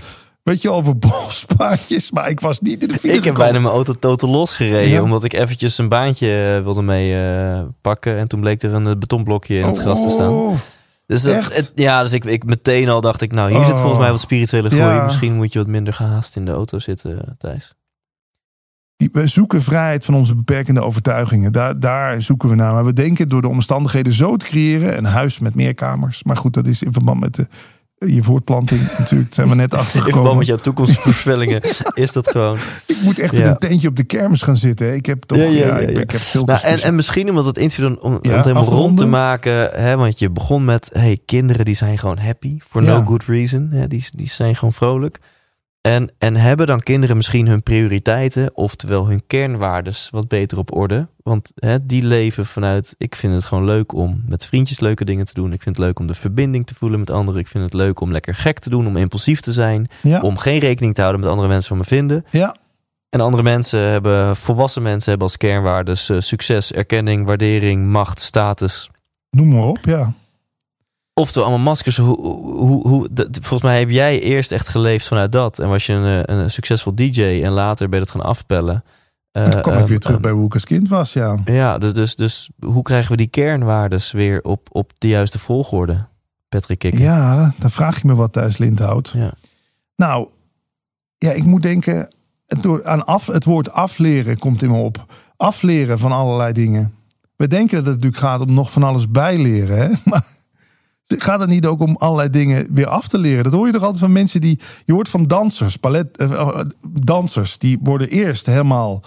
eh, Als kind konden ze al heel goed dansen. Dan wordt hun dansen geleerd. En dan komen ze echt bij een coach of trainer terecht. En die gaat ze alles weer afleren wat ze in de jaren geleerd hebben. En dans maar gewoon weer uit- vanuit je gevoel. Weet je wel? Laat me, doe aan expressie. Laat zien wat er door je heen wil komen. Ja, ik, ik blijf ook het schoolsysteem daar wel een beetje de schuld van geven. Dat we daar al- allemaal van die beperkende, dat hokjesdenken hebben geleerd. Dat het allemaal gaat om vergaren van kennis. Volgens mij is die kennis gewoon al in je aanwezig. En laat het er gewoon uitkomen. En denk niet dat het iets is wat je allemaal aan jezelf moet toevoegen. Een kind is toch ook niet bezig met van alles aan zichzelf toe te voegen. Dat ik besef, komt ook pas bij een jaar of drie, drieënhalf hè, bij een kind. Daarvoor is het gewoon een en al speelsheid en openheid. Ja. Nu zeg ik niet dat je nou nu maar weer in een luier moet rondlopen en je poep en plas moet laten lopen, maar Het sch- schijnt een fetish te zijn. niet voor mij. Andere podcast. Ja, maar Jezus, Jezus, u kent hem wel, heeft schijnt dat ook ooit gezegd hebben toe. Enter the kingdom of heaven, be childlike. Word weer als de kinderen en gij zult in de hemel zijn. Ja, Dat, die, dat is allemaal niet voor niks gezegd ooit, hè? Ik ja, ga weer mooi. op zoek naar het dit, kind vind, in ik- je. dit vind ik mooi. Ja, ga op zoek naar het Zo- kind in jezelf. Het kan soms gewoon heel eenvoudig zijn. Ja. Ga op zoek naar het kind in jezelf. Hoe was Thijs als kind? Ik ben er wel benieuwd naar hoor. Ja, we hebben al net gehoord, toen je acht werd, heb jij wel een heel traumatisch ding meegemaakt. Toen, toen is voor jou eigenlijk het leven serieus geworden. Toch? Eigenlijk als je het zo bekijkt. Ja, zo zou je het ook kunnen bekijken. Want ineens was opa er niet meer. En dat was erg. En dat was verdrietig. En iedereen had verdriet. En doodsbesef, ja. Ik vind het wel interessant ook om dat gesprek met je ouders te voeren. Want die weten natuurlijk veel beter hoe jij als kind Ja. was dan jij zelf. Ah, je zet je vader of En, je moeder en- in en neer. dat, dat, Denk in de dat podcast, de- daar moet ik nog eventjes een nachtje over slapen. Of ik dat zo. Het ligt er ook aan wat voor gesprek je dan voert en of zij het zouden willen. Maar ik weet niet of ik het durf hoor. Nou, als je het bij jezelf houdt. Je gewoon echt hun gaat bevragen van... Hoe was ik nou eigenlijk vroeger? Want zou, jij, zou jij het durven? Ja, het is nee, ik zou kwetsbaar het heel graag fuck, willen. Ja, man. het is super kwetsbaar. Ik zou het heel graag willen. Ik denk dat mijn ouders, die zijn opgegroeid in een Limburgs katholiek nest. Die schamen zich voor alles. Ik, ik, ja, ik kan het. dus- Mijn moeder zou misschien nog wel kunnen. Want als je het bij jezelf Maar het, houdt. weet je, dan, dan, het voelt ook voor mij een beetje als aandachttrekkerij. Van kijk, mij is kwetsbaar zijn. Ik durf in mijn eigen podcast daar te Mijn- gaan zitten en te aan mijn moeder te vragen hoe was ik als kind. En, en, en zie eens hoe, eh, wat voor lef dat weer van mij is dat ik zo puur durf te zijn. dus zo kan het overkomen. Maar als je echt die behoefte voelt om de, om de kleine Thijs weer te ontdekken. En te denken van... ja, Ja, dat hoe, kan ik ook zonder microfoon ja? doen, toch? ja dat kan je ook doen. Je hoeft niet, of je neemt het op en je kijkt wel of je er iets Ja, zo ook mee doet. Ja, ik, eh, het lijkt mij wel een interessant experiment. Ik vind het dan, om dan soort van, hè, de, de, de wetenschapper in mij wil toch dan concreet afsluiten. Vind ik het een soort van concrete, leuke opdracht voor de luisteraar. Ga weer eens even in gedachten naar hoe jij als kind was. En ga eens het gesprek met je ouders daarover Ja. aan. Als ze hopelijk voor jou nog leven. Eh, ga het gesprek met je ouders aan over... hey mam, pap, hoe was ik eigenlijk als kind? Ja, want daar is wel heel veel gevormd hoor. We doen nu wel alsof we. Kijk, tuurlijk, ik ben ook fan van persoonlijke ontwikkeling. Maar ik geloof toch wel dat er in de basis is, is die eerste vijf tot tien jaar van je leven, die zijn alles bepalend toch wel hoor. En als je daar inderdaad achter iets komt die je denkt, maar wacht eens even, dat was ik vergeten van mezelf. Kan je er toch ook gebruik van maken? Je kan daar weer verbinding mee maken met dat gevoel, met die herinnering. Ik was als kind al, jij zal ook met Lego bezig zijn geweest, maar ik was obsessief met Lego bezig. Weet je, ik was echt, ik moest ook dingen bouwen die nog nooit iemand gebouwd had. Ja, op ja. school laten zien en zo. Ja. Weet je wel? Ja, dat zegt voor mij heel veel van hoe ik nu ook ben. Ja, ja, bij mij ook. Ik was al als kind. dus Ik had dit gesprek toevallig laatst met mijn vader over hoe ik als kind was. Die zei ook, ja, Thijs, je was al best wel in jezelf gekeerd. Weet je wel, zo'n mentaliteit van ik fix het zelf allemaal wel. Eh, ik, ik was super gefrustreerd als dingen niet gingen zoals ik wilde dat ze gingen. Dus ik, hij zei zelfs, als babytje leek je het a-relax te vinden dat je dingen nog niet kon. Dat, Ja. dat ik gewoon aan mezelf Ja, ergerde ja. dat mijn motoriek nog niet zo ver was als mijn, mijn gedachten al waren. Ja. En, eh, en, en, en het doorzettertje drive, weet je wel. eh, als, als, als, ik iets wil, dan, dan ging ik ervoor. Dus dat, dat, dat, ja, dat zit nog allemaal 100% in me. Nou, leuk om daar wat over Ja. te horen. Ja. En ik hoop, ik hoop dat het ook in je boek voorkomt. Dat we Thijs beter leren Ik, kennen. ja, absoluut. Ja. Ik, ik, ik durf eh, kwetsbaarder te zijn eh, tijdens mijn shows. en op papier Dan dan, in de dan, in de podcast. Nou, misschien Nog. je ouders voor de, voor de boek. Ik had dat achteraf gezien, had ik dat ook kunnen doen voor mijn boek, mijn ouders interviewen. En dan gewoon daar een Ja, soort uit, iets uit destilleren. Nou, misschien een mooi linkje, want in, de intro en outro ga ik natuurlijk ook wat veer in jouw reet steken Oh, en, en promotie doen. Dank je. Maar eh, nu we er toch zijn, leven. We hebben er twee. Zonder- We gaan er e- eentje geven aan je collega, hè, Ja, die jarig is. dat is superleuk. Dus die eh, Demi vindt dit in haar postvakje. Is dat met Y of met een I? I. I, Demi Ja. met een I. Ja, ja. Eh, dit boek is natuurlijk gewoon te bestellen gewoon op bol.com, denk Ja. ik. Ja, Zelfde uitgeverij als waar jouw boek ook bij komt? Cosmos. Ja, dat is net, eh, dat is net bekend. Dus ga naar bol.com, leven zonder stress. Bestel dat boekje. Of bestel er gewoon meteen 10, kun je het leuk weggeven. We gaan er ook een paar weggeven. Ik ga straks wel van jou vragen hoeveel dat er zijn. En ehm, wat ook nog meer zeggen. En check jouw podcast, Leven Ja, zonder leuk. stress. Het is, het is anders dan jouw podcast. Ik denk dat wij samen gewoon een, een goed, eh, een goed deel bestrijken van... nou Ja, natuurlijk ook nog Michael Pilatschik met zijn podcast. Die doet het weer iets op zijn manier. Dat vind ik zo leuk aan die podcast. We zijn geen concurrenten van elkaar. Het lijkt alleen maar zo. Want jij legt jezelf erin. Jij zoekt de mensen... Ja. op- Jij bent ook 14 jaar jonger. Dus jij zoekt de mensen op die jou inspireren. Ik ga iets meer in gesprek met... Bijvoorbeeld, ja, ik heb laatst een zendmeester van 87 gesproken. Ehm, Ton Lathouwers. Weet je, zo'n man. Maar da- da- daar zag ik ook gewoon nog een jochie van 11, wat heel enthousiast is. Die man is 87. Wauw. Ja, en dat vind ik cool bij jou. Dat ik bij jou allemaal mensen voorbij zie komen. Ik denk, hé, hey, die zag ik gisteren nog bij Pauw zitten. Hè, zoals zo'n Jan Dino.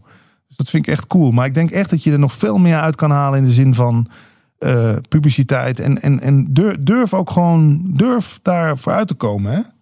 Dat je, want je brengt echt al wat waardevols. Wat, wat, Ja, ik heb ook sinds kort een management. Dus ik zal ook met hun eens even overleggen van... Hey, moeten we af en toe dit- niet even een cc'tje naar Boulevard Ja. of Shownieuws of uh, Bo of eh, whatever. Die snakken ook naar nieuws. Ja. En liever dat dan dat ze het zelf gaan of verdraaien of zo. Je kan hun quotes aanleveren, alles.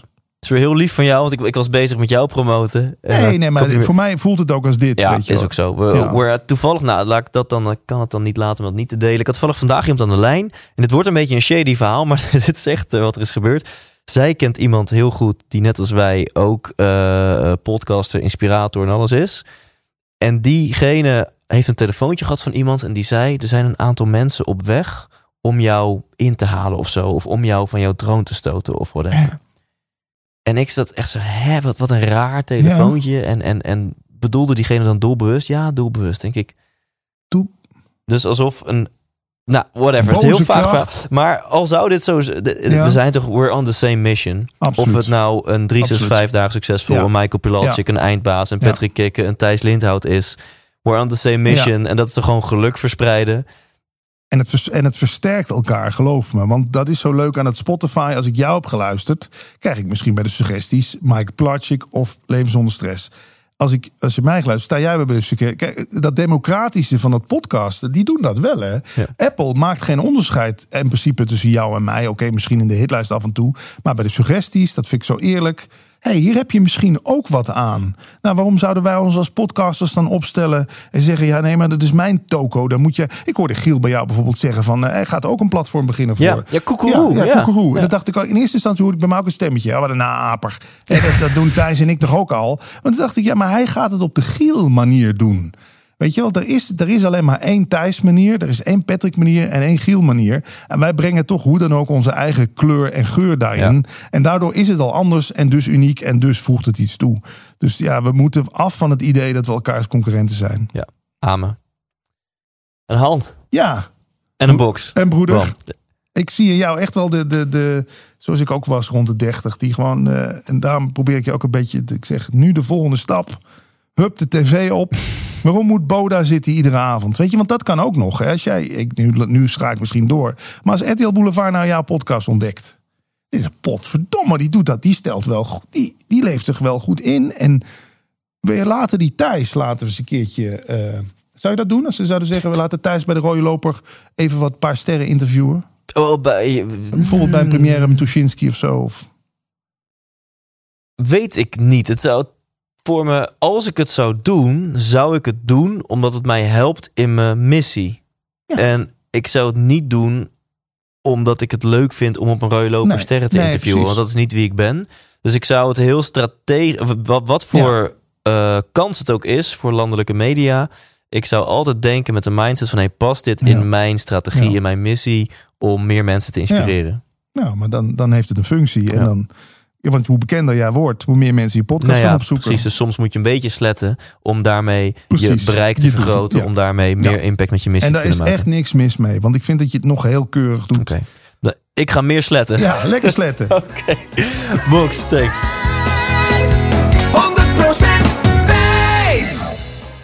Bedankt, bedankt, bedankt. Allereerst jij, Patrick. eh, je bent een podcast nerd, dus je luistert vast de hele aflevering. Dus je hoort ook dit. Dus thanks, Patrick. Ik vond het een hele toffe ontmoeting. Het hing al twee jaar in de lucht. En eh, dat was volgens mij het wachten waard. Want enorm leuk om jou te ontmoeten. En om gewoon toffe content met je te maken. Als je als luisteraar nog luistert eh, of kijkt, ik hou nu het boek Leven zonder stress in de lucht. Die kan je natuurlijk gewoon winnen op thijslindhout.nl slash Patrick. thijslindhout.nl slash Patrick. Nou, laat er even je e-mailadres achter en maak kans op het boek Leven zonder stress. Ja, en wil je mij eh, blijven volgen via andere kanalen? Check dan eventjes Thijs Lindhout op Instagram. Check ook meteen eventjes eh, Patrick Kikkert. Check zijn podcast Leven zonder stress. Of eh, download mijn e-book Ik wil geluk met acht praktische inzichten aan de hand van mijn eerste 75 interviews op ikwilgeluk.nl. Volgende week dan eh, is het alweer bijna 2020 en ook dan staat er gewoon een nieuwe podcast aflevering voor je klaar met een hele bijzondere gast, een management guru, misschien wel de enige, in elk geval de grootste, de bekendste management guru die wij in Nederland hebben. Eh, ik ben er al best wel lang mee bezig om hem te strikken. Dus ik klap alvast, het is een man. En wie het is, misschien weet je het al. En eh, anders ga je daar volgende week gewoon achter komen. Doe rustig aan met kerst en leef intens.